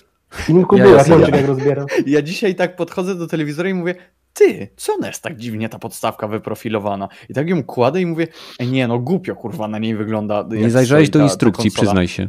No nie Ale, zajrzałem, mo- no tylko- ale mogliby dać jakiś śrubokręcik, bo tam pisze przygotuj monetę, kurde. Albo coś tak tam A co, pisze, nie masz, a zresztą. Bo nie no, ten Łukasz ma e, PlayStation 5 na żetony. No, no, ale tam pisało w instrukcji, nie przygotuj monetę do przykręcenia śruby, nie? Ja mówię, kurde, to już mogli się dać jakiś... Ja nie miałem monety, bo ja, Ja tylko w banknotach nie? kupuję. No, przyniosę śrubokręt, Miałem nie? łyżkę. Łyżką dokręciłem tą śrubę. Nie no, Badel, ale już obczaiłeś tą. Nie trzeba już tłumaczyć, nie? Właśnie nie, ja dalej mi stoi na tych dwóch plastikach. No to stary, bierzesz to, bierzesz to, chwytasz za ten ogonek taki, nie? Tam są te takie widełki wystające. Chwytasz Piszę za to takie tutorial. powyginane i bierzesz, robisz takie przekręcenie, jakbyś chciał otworzyć tajny schowek. I pod spodem widzisz, otworzy ci się tajny schowek ze śrubką. To wiem. Schowek. Znalazłem ją, ale się zastanawiałem, gdzie się ją wkręca. Od bo dołu, wiecie, bo masz takie kółeczko, ale- które musisz wydrapać. I właśnie O tego nie. nie znalazłem, ale tak sobie myślę, kurwa, jak przecież y, ch- będę chciał tę śrubkę przykle- przykręcić, jak ona będzie leżeć, ta konsola na, w sensie na boku. Nie, do góry nogami ją w stawiasz. No właśnie, do, przecież na obudowie nie ma tam miejsca na Jest. Od I dołu tak się- jak spojrzysz, jest takie kółeczko, ja mówię, zaznaczysz ale- pazurkiem i wyciągasz. Ale Tak, ja mówię, jakby kółeczko- ona leżała. Nie, nie, nie, bo wy teraz mówicie, Mhm, żeby ją mhm, postawić takie- w pionie, a tak, ja tak, mówię tak. w poziomie. A bokiem nie. Gdzie... No ja właśnie, ja się zastanawiam, gdzie ta śrubka kurwa wchodzi w tę obudowę, jak ona taka ładna, ta plastyka tam Znaczy, są. ja ci tutaj mogę już od razu pojechać, że podczas twojego unboxingu to źle, żeś zakładał tą poziomą stopkę, bo tam jest jasno napisane, że dwa haczyki muszą być po, po y, lewej i prawej stronie znaczków PlayStation, które są z tyłu. A tyś to tak wepchnął, że później dotykasz i się bujo. To- bui, bui, bui. Ale daj mi spokój, przecież to, y, to nie chodzi o to, żeby filmik trwał 20 minut i Badel czytał instrukcję, tylko o to chodzi, żeby było śmieszniej, że konsola się No to ja się uśmiałem. Ja, ja też. Kiwa, Ja- kiwaku. Kiwa, Ki- kiwaku. Kiwa Po pierwsze, ona się kiwoła, a nie bujała. Oj tak. Mhm. Nie Dobra. martwcie, nie dobra, pierwszą płytę i tak sadziłem źle. Tak pierwszą płytę źle wsadziłem. A wkła- o, właśnie, jedna rzecz. Jak stoi w pionie, to troszkę No. niewygodnie się wkłada płyty. No, Bo jestem, No tak. bardziej by mi się je wygodnie wkładało, gdybym jednak faktycznie wkładał, że tak powiem, y, nadrukiem na zewnątrz. To, Po se, prostu- je, to jak wkładasz płyty, to sobie ją kładź. W dupę mi pocałuję. Ja szybko No. to wykminiłem jak trzeba, żeby nie zrobić tak jak pewien polski ten, który właśnie źle wkładał płyty i o, nie działa konsola, nie? To ty Ale ona- mądry, chłop, mądry chłopak jesteś. Ja wam powiem, że jak leży, to brzydko wygląda ta konsola, tak jakby wisiała na jakimś kurde tym, jakiś breakdance jakby ktoś robił. Można robić, kurde, nie? Kręcić nią. Dziwnie Teraz wygląda. pytanie ode mnie, bo to nie wiem, czy żeście wykminili sami, czy się z tym męczycie. E, zmieniliście sobie klawiaturę kuwers na kuwerty? Właśnie nie. Jeszcze Nie, ale no wkurzało nie. mnie. Nie, nie pomyślałem w ogóle, że Mnie się też. da zmienić. A faktycznie tam e, Z było gdzieś tam w środku. Tak, No, szukam tego, jak, jak, jakbym pierwszy raz klawiaturę widział. Nie, gdzie to Z, nie ma. Powiedz Ja nam, bo- sprzedaj nam, sprzedaj nam te od tipa Gragi. E, Tutaj wystarczy, że jak wejdziecie po prostu w wiadomości, to po prostu sobie zmieniajcie na język angielski Wielka Brytania, który możecie A. sobie do, dopobrać. E, I tam teoretycznie nie powinno być polskich znaków, ale jak wejdziecie w L3, R3, to tam się okazuje, że jednak są polskie znaki, tylko trzeba tu je za każdym razem włączać. Nie tak jak normalnie, że klikasz i ten, tylko po prostu jedna literka, okay. kliknięcie, druga literka, kliknięcie. Okay, okay. E, przyzwyczaję się do tego. Za, za skomplikowane, nie chcę mi się. I tak nie używam polskich znaków i piszę niepoprawnie, więc. Będę mówił. Poza tym mam mikrofon w padzie, to teraz mogę nagrywać wiadomości. No właśnie, no, Jolo. Ej, właśnie. Jaka jest jakość tego mikrofonu w DualSense? Bo może wiecie, jak już kupię, to będę go wykorzystywał do podcastów. Badyl, słyszałeś mnie, jak brzmiałem? Y, jeżeli to było nagrywane na padzie, to zajebiście. Było nagrywane na padzie, bo y, się śmiałem, że to nie ja gram w Spidermana, tylko moja żona. No niestety pierwszego dnia ja pograłem bardzo krótko, ponieważ moja Agata grała w Milesa Moralesa. No cóż. No, nic dziwnego. Dobra, Ej, dobra, pogadaliście już o tym PS5, tak. dobra, macie, jest spoko. E, I co teraz? No dobra, przechodzimy do następnego tematu, jak już tak bardzo kiwaku nas popędza. Tutaj taki chodliwy temat, a... Nie, nie, nie. Na, jakieś, na jakie gry czekacie, albo czy interesuje was... E, nie, na Cyberpunka. Na Cyberpunk. Do którego właśnie przechodzimy. Widzieliśmy ostatnio gameplay na Xboxie. I Bardzo nielegalny gameplay Dzisiaj był jeszcze wyciek. Jeszcze dzisiaj był wyciek. Nie wiem, czy widziałeś właśnie specjalnie. Widziałem, a na, widziałem. A na stronie GeForce'a też jest była e, wersja właśnie PC-towa, jak wygląda z, z RTX-em. No, też już podali. No. Ktoś widział. Więc y, był, był Night City Wire Special, gdzie pokazali po raz pierwszy gameplay z konsoli Xbox One X i Xbox Series X. Y, przyznam szczerze, że w przypadku obu konsol wygląda to fajnie. No się, znaczy ludzie się czepiają, że do mimiki, nie? Że tam nie, nie, nie pada bardzo konwy, wiesz. Ale widziałem właśnie ustawienia y, na PC, to są właśnie nawet specjalne ustawienia do padania cienia na twarz. To kurde, to tam było chyba wyłączone na Xboxie zwykłym, bo to hmm. dziwnie wyglądało. A na tym Xboxie X było w innej scenie i już wyglądało dużo lepiej y, ten Keanu, nie? Ale to było właśnie inne porównanie, bo nie było porównania jeden do jeden, tylko w innych momentach, nie? To było takie dziwne. No w każdym razie, jak widzieliście ten gameplay z Xa, no to każdy, kto widział, to chyba raczej dostrzegł, że no Xbox One X y, wygląda po prostu bardzo zbliżenie do tego z Series Xa. Nie zauważyłem jakichś szczególnych rzeczy, które by, by mi, nie wiem, pokazały, o kurczę, tak, to jest, to jest ta lepsza next-genowa wersja. Wydawało mi się, że one były dosyć zbliżone. Wiadomo, tam było widać, mam wrażenie, wyższą rozdzielczość i w momencie, kiedy Y, jakby były sekcje, gdzie tam chyba była krótka sekcja, gdzie jechało auto, to miałem wrażenie, że na y, Series X oczywiście była wyższa płynność. Tak. Wiesz, bo, bo ludzie się czepiają, że właśnie, że ona wygląda średnio, ale ja się nie tym nie zgodzę, bo jednak na przykład porównują do Red Dead, ale Red Dead była, geometria była bardzo płaska i prosta, nie? To nie było dużo, a tutaj jak mamy geometrię w miasta, jest bardzo, wiesz, wszystko upchane tu mocno, to nie jest tak Zgadzam prosto się. zrobić. Mhm. Nie jest tak proste, że no, no, no, nie można się oczekiwać cudów po tych starszych konsolach. To nie wygląda dla mnie też źle, a chyba e, ta... Póki nie spojrzysz w oczy Kojanu. No, no tak, a na tym, na tym zwykłym chyba chodziło po, tylko w 900p, a na tym Xie nowym serii X Full HD, nie? Serio? Tak. Wow. Jest, no nie jest no. dobrze. Im więcej, no. że tak powiem, im bliżej premiery, tym e, ja się bardziej boję o tę grę. W sensie, ja nie jestem taki. Ja się jarałem i dalej się jaram Dragon Age'em pierwszym e, i dalej uważam, że ta gra jest zajebista, pomimo tego, że wygląda jak, nie wiem, gówno tak naprawdę i e, animacje są tam gówniane i wszystko tam jest ogólnie gówniane, jeżeli chodzi o oprawę, ale mam nadzieję, że tutaj chociaż historia, postaci, nie wiem, to wszystko, co, co tworzy tak naprawdę dobrego RPGa, będzie tutaj dobre, bo, no bo gdzieś tam wszystkiego innego, okay. jak to będzie działać, się obawiam troszeczkę. Mhm, dobrze, a skoro już powiedziałeś o gameplayu, podobno mm. są pierwsze informacje, że ukończenie gry zajmuje około 175 godzin. ja pieprzę. Nie. Nice. To pewnie chyba na 100%. No właśnie też mi się to wydaje taką nierealną liczbą, chociaż przejście Wiedźmina na przykład mojej żonie zajęło około 90. I to też były tylko główne wątki poboczne. No ja to w ogóle więcej tam wbiłem, bo czyściłem całe mapy ze znaków zapytania, jak jakiś gościu z zaburzeniami. Więc... O matko, Skellige. Skellige nie wyczyściłem. Skellige było tą kroplą, która przepełniła czarę goryczy. Nie dało się. A, to jesteś no, miękki.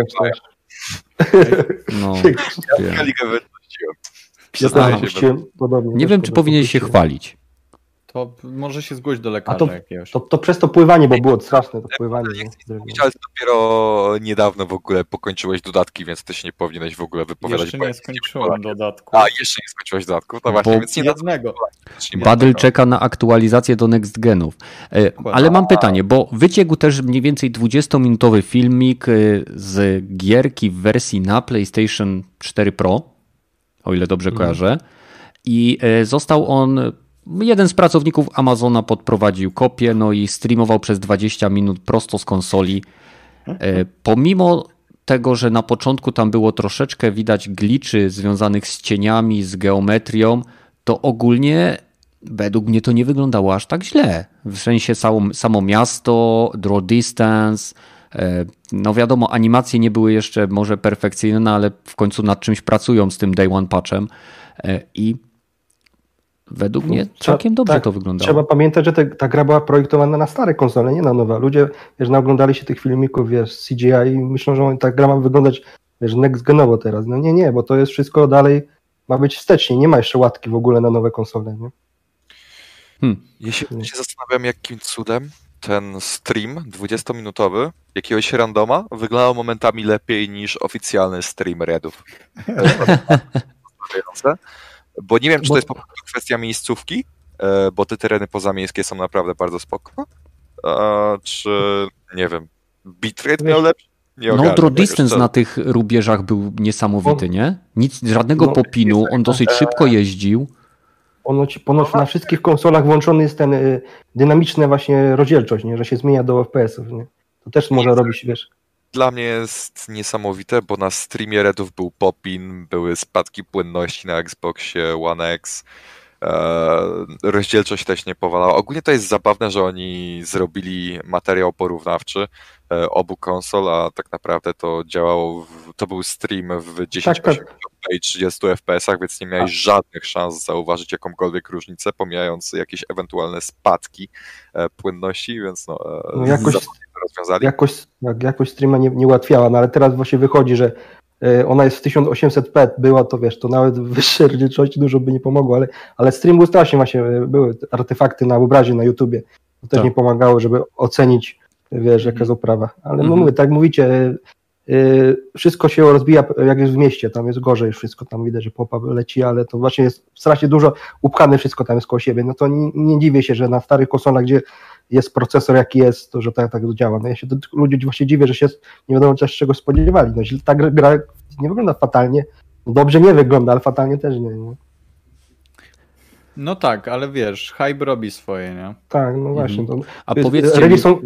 E, planujecie, nie wiem, e, bo 10 ma być ta premiera, tak? Już teraz znowu wypuścili trailery kolejne z potwierdzoną no. datą, ble, ble, ble, ble i tak dalej planujecie od premiery grać, czy jednak hype wam, hype wam opadł na tyle, że stwierdzicie, że zobaczycie jakie będą recenzje i... Nie, no nie, zdecydowanie kupuję na premierę i będę ogrywał pierwszego dnia. Kurczę, mnie najbardziej boli to, że ja będę wtedy na, znowu na delegacji, bo mam kolejny wyjazd chyba pierwszego i jedziemy robić jakieś, jakieś oświetlenie przy hangarze na Ukrainie. Mm. Więc Spokojnie, będziemy ci wysyłać zdjęcia. W ogóle, nie? Czyli Ukraina będzie miała ray tracing? Tak jest. Będę robił oświetlenie na Ukrainie ray tracing. Będę mo montował GeForce y, te 3090. O kurde. Nie, spokojnie, będziecie wysyłać zdjęcia, jak gramy, nie? Żebyś się lepiej... Tak jest, dokładnie. No ja tak gram, będę na PC grał, to nie wiem jak to będzie działało, ale zobaczymy. Na pewno ja też na PC, chociaż się nie hypuję i będę grał w dniu premiery, ale się nie hypuję w ogóle. W sumie kolejne pokazy to jest takie serio? Takie, no i czym tu się jarać? To jest gra, która spokojnie mogłaby wyjść w 2014-2016 roku. No, jak widziałem to, to na GeForce, co widziałem na, na, scenie, na stronie, to na, wygląda już nie, nie gorzej, lepiej, nie? Wyższej rozdzielczości jest, ale Pamiętajcie nie ufam trochę, nie ufam im trochę do końca. No. pamiętajcie też, że jakby rozwój y, złożoności gier to nie tylko grafika, to tak, także tak. wszystkie symulacje, które dzieją się w tle, więc może załóżmy, że pod względem graficznym ta gra mogłaby wyjść w 2016, tak jak powiedziałeś Gragi, to wcale nie znaczy, że działała i wyglądałaby tak samo, ponieważ y, pewne rzeczy byłyby nie do osiągnięcia technologicznie w tamtym okresie. To zależy, bo tak jak też zauważyliście, to miasto nie jest aż, aż tak żywe, jak mogłoby się wydawać. E, ja mówię, dla mnie to nadal jest takie trochę podrasowane GTA 5 i dlatego mówię, ja zagram, ale tak jak z Valhalla. No czyli... Nie hypuję się tym w ogóle, nie takie... E. No tak, ale GTA 5 nie mogłoby wyjść w czasach, kiedy wyszło GTA 3. Prosta to, to, to, ilość złożoności geometrii. 15 lat różnicy, nie? Nie no, to jest akurat, nie no, to jest akurat przykład, bo to są nawet dwie różne generacje. Nie, to jednak tu miasto widać, że bardziej żyje niż w GTA, nie? No. W ogóle możemy, możemy sobie tam przechodzić, jak jedziemy, jedziemy windą, to widzimy naokoło, gdzie, w którym miejsce szliśmy, nie? To nie jest mhm. takie proste zaprojektować, nie? To jak masz jedną płaszczyznę, a jak masz dziesięć, to nie jest to tak łatwe, nie? Czy wiesz, ja miałem też taki problem, że ja jestem świeżo po ograniu Watch Dogs, gdzie to miasto faktycznie jakoś żyje. Może nie jest to jakieś wybuchy, ale no ani poziom Watch Dogsów, ani Red Deada to to nie jest, nie? Wyjdzie no, prawie, bo to szczerze, że nie mam wysokiego zdania ani mniemania o grach Watch Dogs i Trudno mi tutaj się wypowiadać, nie chcę tutaj e, jechać po ugi, no. bo nie ma sensu, ale Simok powiedział coś, co jest bardzo istotne w grach RPG, którą mhm. jest nie, nie, niepodważalnie Cyberpunk, ponieważ opiera się na systemie RPG, e, ma wiele takich elementów, które cechują właśnie grę RPG, nawet grę RPG akcji. Czyli najważniejsze w takiej grze jest wybory, fabuła i tak, dopiero tak. na którymś tam miejscu grafika i, i cała reszta. Chcemy mieć wolność wyboru, chcemy mieć wolność decydowania odnośnie tego, jak rozwijać swoją postać i w jaki sposób podejść do rozwiązywania problemów.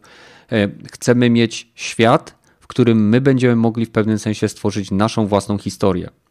A ciekawe, ciekawe misje, ciekawych bohaterów, dobre tak. dialogi i tak dalej. Nie? Grafika samo nie stoi.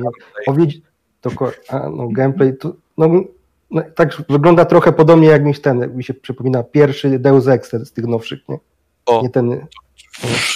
Gdyby Cyberpunk miał tak dobry gameplay jak Deus Ex e, Human Revolution, no to jest. A to nie, to tam już, tam już był lepszy jednak. Tam już był usprawniony bardziej, tak. Mhm. A czy w tym już tym pierwszym, tak, tak. Bo w tym było już lepiej, w tym kolejnym. Minecraft Divided, tak, to był drugi. No to też, tym bardziej. Dobrze. Jeśli, nie, nie, niech model strzelania będzie lepszy. Jeżeli model strzelania będzie lepszy, a cała reszta będzie tak jak w Deusie, no to, to będzie masakrator, a nie gra. Krzysztof tak. tutaj na czacie pisze Gragi do ciebie, że jak będziesz grał na HD Ready, to nie będzie różnicy.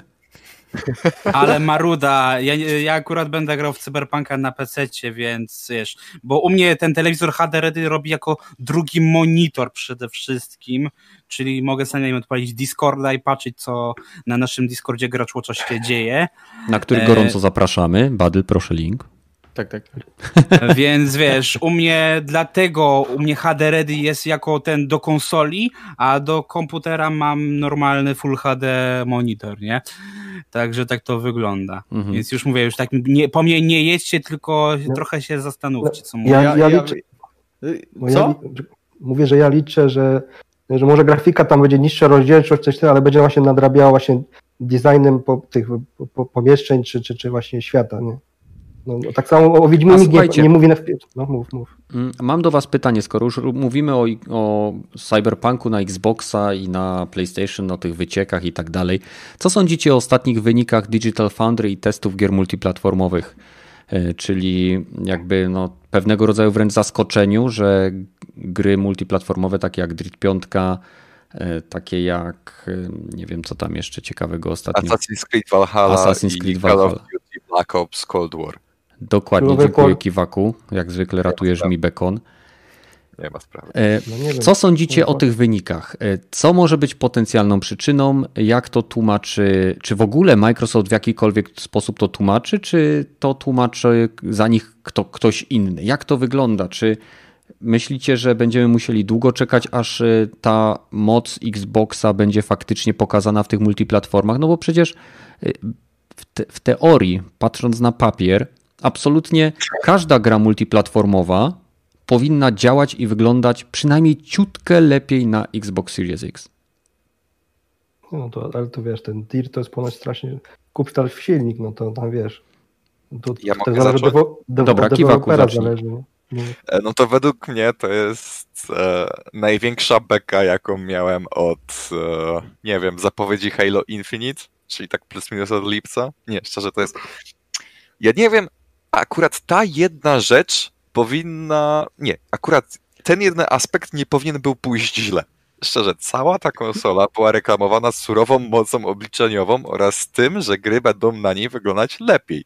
A teraz ta konsola wychodzi i te gry wyglądają gorzej i działają w niektórych przypadkach Ale gorzej. nie, nie. y, Assassin wygląda identycznie, po prostu ma dropy. No dobra, ale masz i spadki FPS-ów, nie? Więc e, ja nie mówię, że wszystkie te gry mają jakieś ogromne różnice na rzecz PS5, ale samo to, że nawet w takich grach jak Assassin's Creed, które były promowane przez Microsoft na swoich eventach, e, widzimy różnicę na korzyść PS5. Ale A to jest że to, nieporozumienie. Tak Ale mówię, czego ty się że spodziewasz po firmie, która swoją e, Tak. główną grę przesuwa o, o nie wiem, o rok e, od daty premiery swojej konsoli? No No kurde. Dobra, ale Microsoft jako całość jest o wiele bardziej ogarniętą filmą niż 343 jako deweloper, no bo Ale 343 pamiętaj, to- to jest to nie- nieporozumienie ogólnie rzecz biorąc, a Microsoftowi po prostu od czasu do czasu zdarzają się e, mniejsze i większe pomyłki, nie? I ale to, co odwalili teraz, to jest pomyłka. Bo sorry, ale nie udostępnienie odpowiednich narzędzi deweloperskich, aby oni mogli zoptymalizować gry w taki sposób, aby faktycznie wykorzystywały moc Xboxa Series X, no to- jest e, śmiech na sali, szczerze. Sorry, ale jeśli chodzi o hype level na tą konsolę, e, po tym jak ona już wyszła, no to bardzo mocno mi spadł, bo ja liczyłem, że jednak będę widział różnicę, ale w drugą stronę. A szkoda, że- nie ma tutaj rogatego, nie? Poczekajcie, bo Pamię- Łukasz coś chciał powiedzieć. Pamiętaj, że to, to nie, nie no, grę nie optymalizuje Microsoft, tylko jednak y, te firmy, Ubisoft, ich, ich deweloperzy, nie? To nie ma wszystko zwalać od razu na Microsoft. Ja też mógłbym powiedzieć, że na PC źle działa, nie? I też mogę do Nvidia napisać, bo źle działa mi gra, nie, nie Nvidia, co ty robicie, nie? To wiadomo, że to nie, jednak nie Microsoft, nie, nie ma No ale całą, całą winę, nie? Chcesz się- mi powiedzieć, się- że to jest wina Codemasters, Activision, Capcomu i W jakimś Ubisoftu. sensie na pewno. No, no wszystkim W po sensie nie? na pewno. Tak. Tylko, że jestem pewien, że ci deweloperzy jakby mieli szansę zoptymalizować te gry, aby lepiej działały na Xboxie, no to pewnie by to zrobili. Tym bardziej, że część tych deweloperów ma ten, umowę marketingową z Microsoftem. Tak jak No na nie. przykład Assassin's Creed Valhalla. Tak jak na przykład Dirt 5 był pokazywany na pokazach Microsoftu, a nie na PS5. A jednak działa lepiej albo wygląda lepiej na PS5. W sensie, no, e, sorry, ale tutaj po prostu coś bardzo, ale to bardzo poszło nie tak. Nie wiem co, ale no coś poszło bardzo nie tak, jeśli o to chodzi, jeśli o, o ten jeden aspekt. No coś poszło bardzo nie tak. Musimy poczekać na, na, na więcej il- ilości gier, bo w tych tytułach tak, no ale one mają w ogóle ogólnie problemy na, większy, na innych platformach też, nie? No Może tak, ale tu jakby cały czas wszyscy jakby biją do tego, że Microsoft yy, nawet tak, reklamował, chwali, że, tak, tak multiplatform, że gry multiplatformowe będą działać najlepiej na jego konsoli. Yy, Podpisy ma, ma gry, które są opisane, optymalizowane dla Series X. Ma yy, umowy marketingowe z wieloma firmami, które ekskluzywnie pokazują swoje tytuły na tej konkretnej konsoli. I wychodzi Digital Foundry, testuje te gry i wręcz oni są zszokowani i zaskoczeni, że te gry chodzą, czy wyglądają tak, jak chodzą. Że, że mów, oni mówią, że coś musi być nie tak, coś, coś ewidentnie jest nie tak, bo to nie powinno mieć miejsca. Wszystko, wiesz, wiesz, to wszystko się rozchodzi o i też ilość portów i ilość, ile muszą to ogarnąć, nie? No to czemu Podana byli w sytuacja- stanie ogarnąć na PlayStation 5, załóżmy na PC, No, no, a na Xboxa nie? Skoro Xbox jest praktycznie kompatybilny z PC-tem dzięki. Xbox Play Anywhere, tak? To, to już nie dojem pytać. Podobna sytuacja była tak jak z tym y, wczytywaniem się, nie? Niektóre gry niby jest SSD szybszy w Sony, nie? A jednak się wczytywa minimalnie szybciej na Xboxie. Wszystko się od optymalizacji, jak No deweloper do to tego jest bardzo podejdzie. To też jest No, bardzo też jest zabawne dla zabawne. mnie. A tylko, że to ja zawsze że- powtarzam, że w tym wypadku mówimy o grach ze wstecznej kompatybilności, które nigdy nie są wyznacznikiem potęgi konsoli. Wyznacznikiem potęgi konsoli są nowe tytuły. No, no Gragi, ty tam coś chciałeś bo... jeszcze dodać, bo ci przerwałem. No jest to śmieszne. Oj, to już nawet nie pamiętam co, szczerze powiedziawszy. A, już wiem.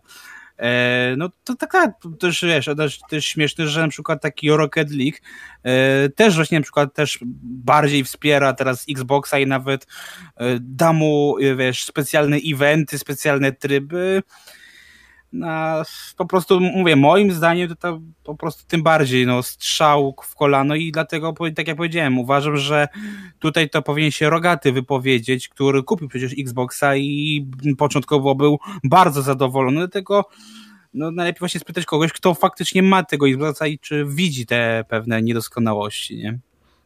Nie no, klatki bardziej widać niż rozdzielczość, nie? Jak klatki lecą, to jest gorzej. Tak w Valhalla tam widziałem właśnie leciały klatki, nie? Nie trzymało 60 no, A na PS5 y, bardzo ładnie trzyma. Ja no na dodatku moje byłem no, bardzo zadowolony. No, wszystko op optymalizacji się rozchodzi. A kto zawalił, to my, my się na tym pewnie się nie dowiemy nigdy. Ale hmm, mam nadzieję, że w kolejnych tytułach w kolejnych tytułach może mam nadzieję, że będzie lepiej. No. Zobaczymy. No na pewno będzie lepiej, bo Microsoft łaskawie udostępni lepsze narzędzia deweloperskie, więc y, deweloperzy Oby. będą mogli w końcu Oby. robić gry, które działają Oby. na Xboxie tak jak powinny, a nie że chodzą gorzej niż na PS5. Mhm. Oby, bo, bo jak nie to Badel będzie się, to dalej będzie się chichotał tam. Ej nie, jeśli... Badel ma dobry jeśli humor od momentu pierwszego testu Digital Foundry. Teraz to tylko co pewien czas się tak chwyta za brzuch i tak ho, ho, ho, o, on może ma Ej, tego włączonego, serio, ale... pada, pada ma włączonego i wibruje mu tam. Ej nie, serio, ale jeśli to się nie zmieni, jeśli jeśli nawet lepsze narzędzia deweloperskie nie pomogą i gry multiplatformowe będą jakimś, nie wiem, magicznym cudem dalej działać gorzej na Xboxie Series X, mhm. no to sorry, ale. To będzie śmieszne i dziwne. To, to będzie bardzo śmieszne, dziwne, niezręczne. I bolesne. I bolesne. No mhm. bo sorry, ale. E, Pamiętajcie też, że na przykład. No. Czterech lat jest kojarzone głównie z mocą, że to jest najmocniejsza konsola na rynku, nie? Umówmy Pomału się, się nauczą. To pamiętajmy, że... jest związana z tą tak. konsolą. Pamiętajmy, że to początek. Teraz muszą, wiesz, te wiele tych firm musi to ogarnąć na stare i na nowe konsole i do, do, to tak pewnie do tego wygląda. To nie jest wytłumaczenie, bo, bo tak jak mówię, jeżeli są w stanie ogarnąć na jedną platformę, to czemu nie na drugą? E, jeżeli są winne no nie, narzędzia nie. deweloperskie, to Microsoft powinien stanąć na głowie i jeszcze zagwizdać, żeby deweloper, z którym ma podpisaną umowę, dostał te narzędzia. Odnośnie do wcześniejszego argumentu, który Łukasz powiedział, że jak mu gra chodzi źle, to nie pisze do NVIDII, nie musisz pisać, ponieważ e, producenci kart graficznych zawsze przygotowują specjalne sterowniki optymalizowane pod konkretne gry. I e, jeżeli tam poszukasz troszeczkę w sieci, to bardzo często to właśnie dzięki zmianom w sterownikach niektóre gry na PC-tach zaczynają dobrze działać. Nie dzięki optymalizacji firm, które tworzą te gry, tylko właśnie dzięki specjalnym wersjom e, ze specjalnymi no profilami sterowników. Ja za, zawsze pobieram najnowsze, nie? ale i tak y, no Assassin tak średnio działa, nie? Mhm. Na moje wymagania, nie? nie no, trzeba tam było poz, poz, pozjeżdżać niektórych opcji, żeby mieć 60 klatek w 4K. No tylko, że ja mam natywne 4K, a jednak w konsolach jest e, adaptowane i tam jest chyba 1400p i tam do 4K chodzi. Mhm. Druga rzecz, która też wynika jakby powoli z tych testów, które Digital Foundry przeprowadza, to już jakby odchodząc od Series X, który no ewidentnie na chwilę obecną ma pewne problemy, ich źródło być może jest faktycznie brak optymalizacji, te, te narzędzia deweloperskie, ale y, Series S do, dostał troszeczkę, że tak powiem, po dupie od Digital Foundry za to, że ewidentnie gry, które są na nim odpalane, wstrzeliwują się w rozdzielczość y, Xbox One S bardziej niż y, tego 1440p, które Microsoft mhm. obiecywał.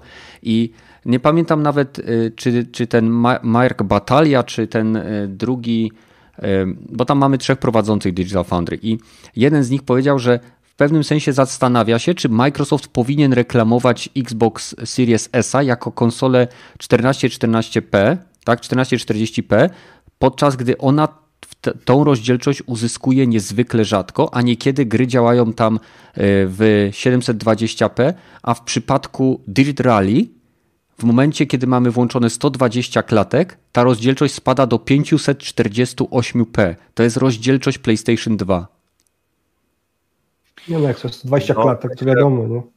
Jakby to powiedzieć, no, teoretycznie nie powinni reklamować tej konsoli jako sprzętu do 1440p, no ale z drugiej strony Sony nie powinno dawać na pudełko wielkiego napisu 8K, 8K konsola no. na premierę nawet nie wspiera 8K, więc ja myślę, że to jest po prostu... Ale no. sam, sam redaktor powiedział, że jednak mało kto ma telewizory, nie 1400p, nie, tylko większość ma Full HD, to takiego to problemu nie robi, bo jednak większość kupuje tą konsolę, to mi Faktycznie jest 8K, do Full HD, zauważyłem. Do Full no, HD jednak kupuje, nie? Myślę, że to po prostu... No ale no, tak, bo sami są wi- tak, marketing sami są winni. bardzo dość bardzo, hmm. jakby to powiedzieć, nietrafione, o tak bym to powiedział, nie? Bo zauważmy, że PS5 było e, reklamowane głównie dyskiem SSD, a później się okazało, że w sumie to różnica we wczytywaniu nie jest jakaś znacząca. E, Xbox był promowany mocą na póki co w pierwszych grach multiplatformowych jakoś to specjalnie zachwyca, więc ja myślę, że e, firmy powinny przestać reklamować się takimi e, pustymi sloganami. Czymś muszą, nie? No czymś muszą, ale myślę, że powinni szukać um, albo przetestować wpierw to, co reklamują. O, tak myślę. No, myślę, że to jest na takiej zasadzie, E, które, że, że po prostu jeżeli ich konsola jest w stanie w jakimś punkcie osiągnąć tą rozdzielczość, to oni to dają, lub jeżeli wspiera tą rozdzielczość. Czyli w przypadku Sony i Xboxa może to być 8K, na przykład odtwarzanie filmów, albo możliwość generowania 8K ze względu na to, że są wyposażone w HDMI 2.1, czyli e, to jest teoretycznie możliwość wyświetlenia 8K załóżmy w 30 czy 60 klatkach, prawda? Więc technologicznie wspierają, ale żadnej gry w 8K, chyba że to będzie Tetris remake, raczej nie zobaczymy. Czekam na ten, jak Cyberpunk będzie chodził. To, to porównanie mnie interesuje właśnie na konsolach tych nowych.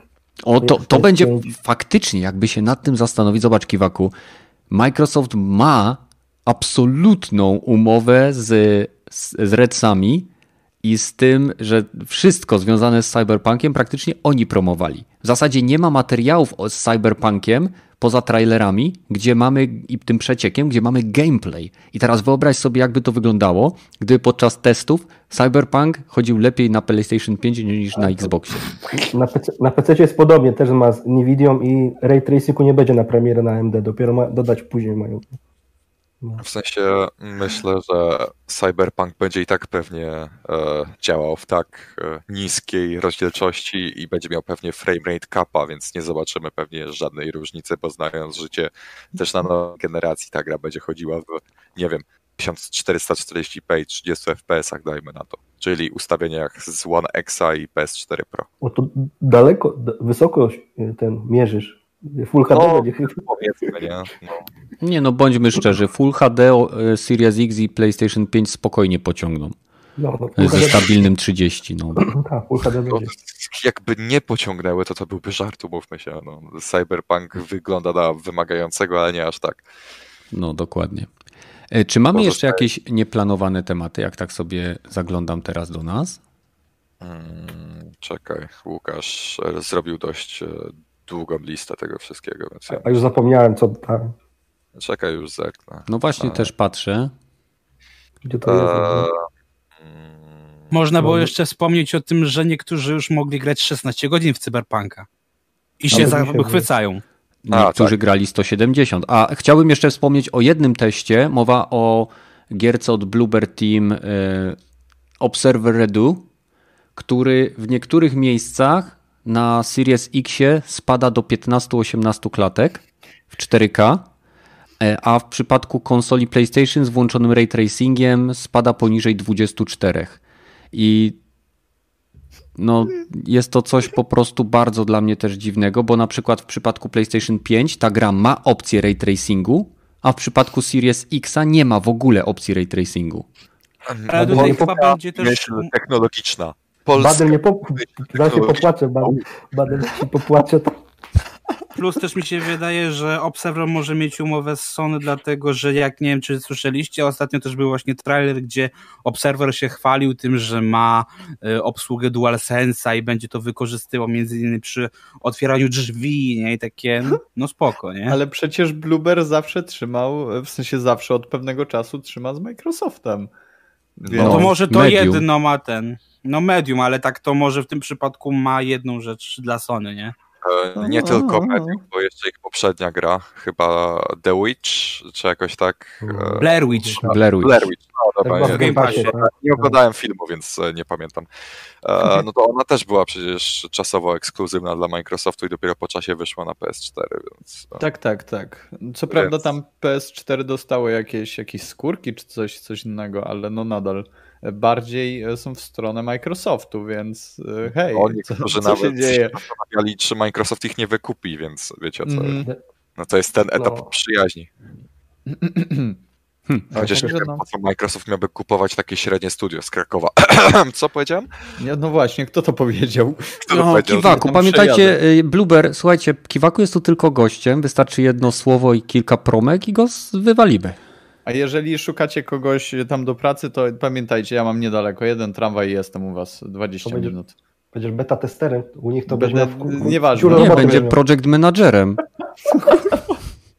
U nich beta tester to już tester finalnej wersji, co? Kto to powiedział? Ja już byłem u nich na tych, na testach E, i powiedziała mi pani, że e, spoko, jak chcesz, to ten, to wyślij nam wiadomość, e, bo fajnie ten.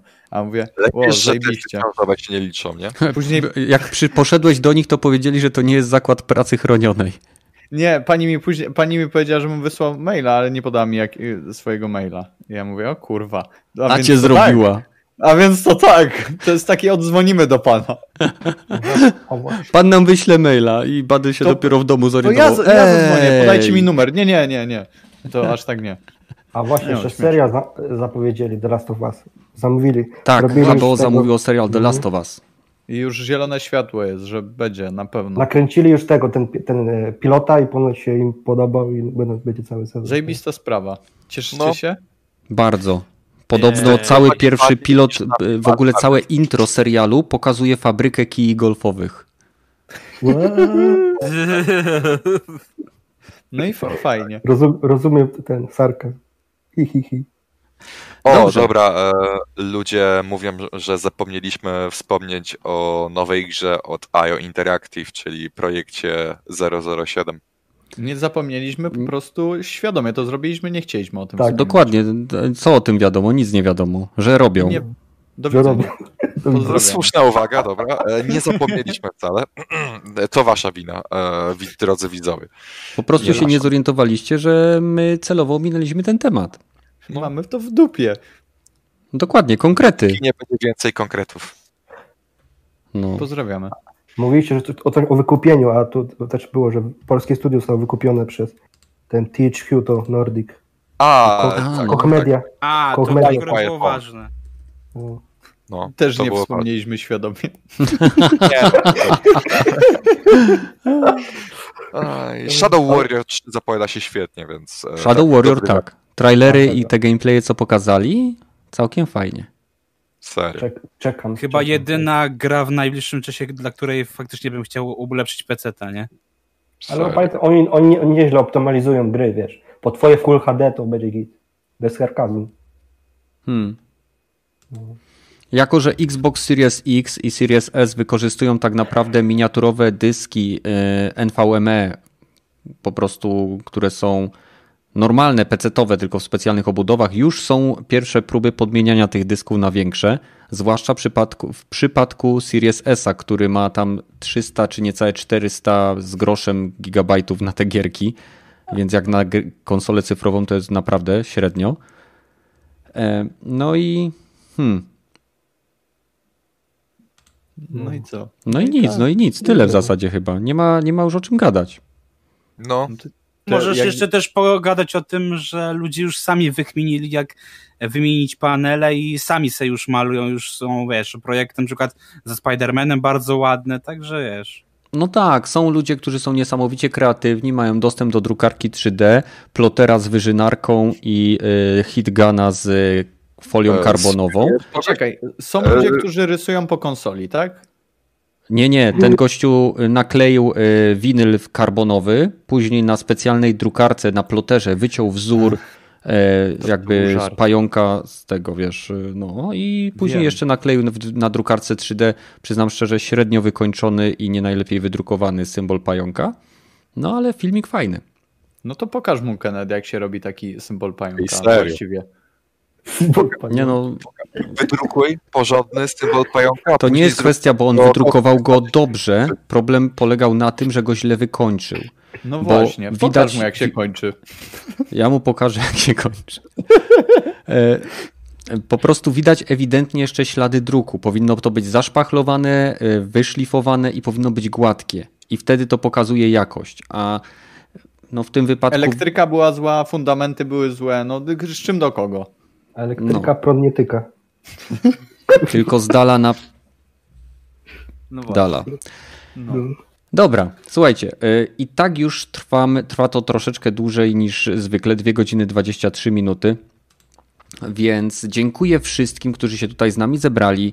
Wiem, że dzisiaj podcast zaczął się wcześniej, ale tak naprawdę nie zaczął się wcześniej, tylko wrócił do oryginalnej ramówki sprzed lata, ponieważ latem będziemy przesiadali się na 21, w okresie jesienno-zimowym na 20, ze względu na to, że się robi w jednym miejscu później ciemno, a teraz się robi wcześniej ciemno i to jakoś nam się zgrywa.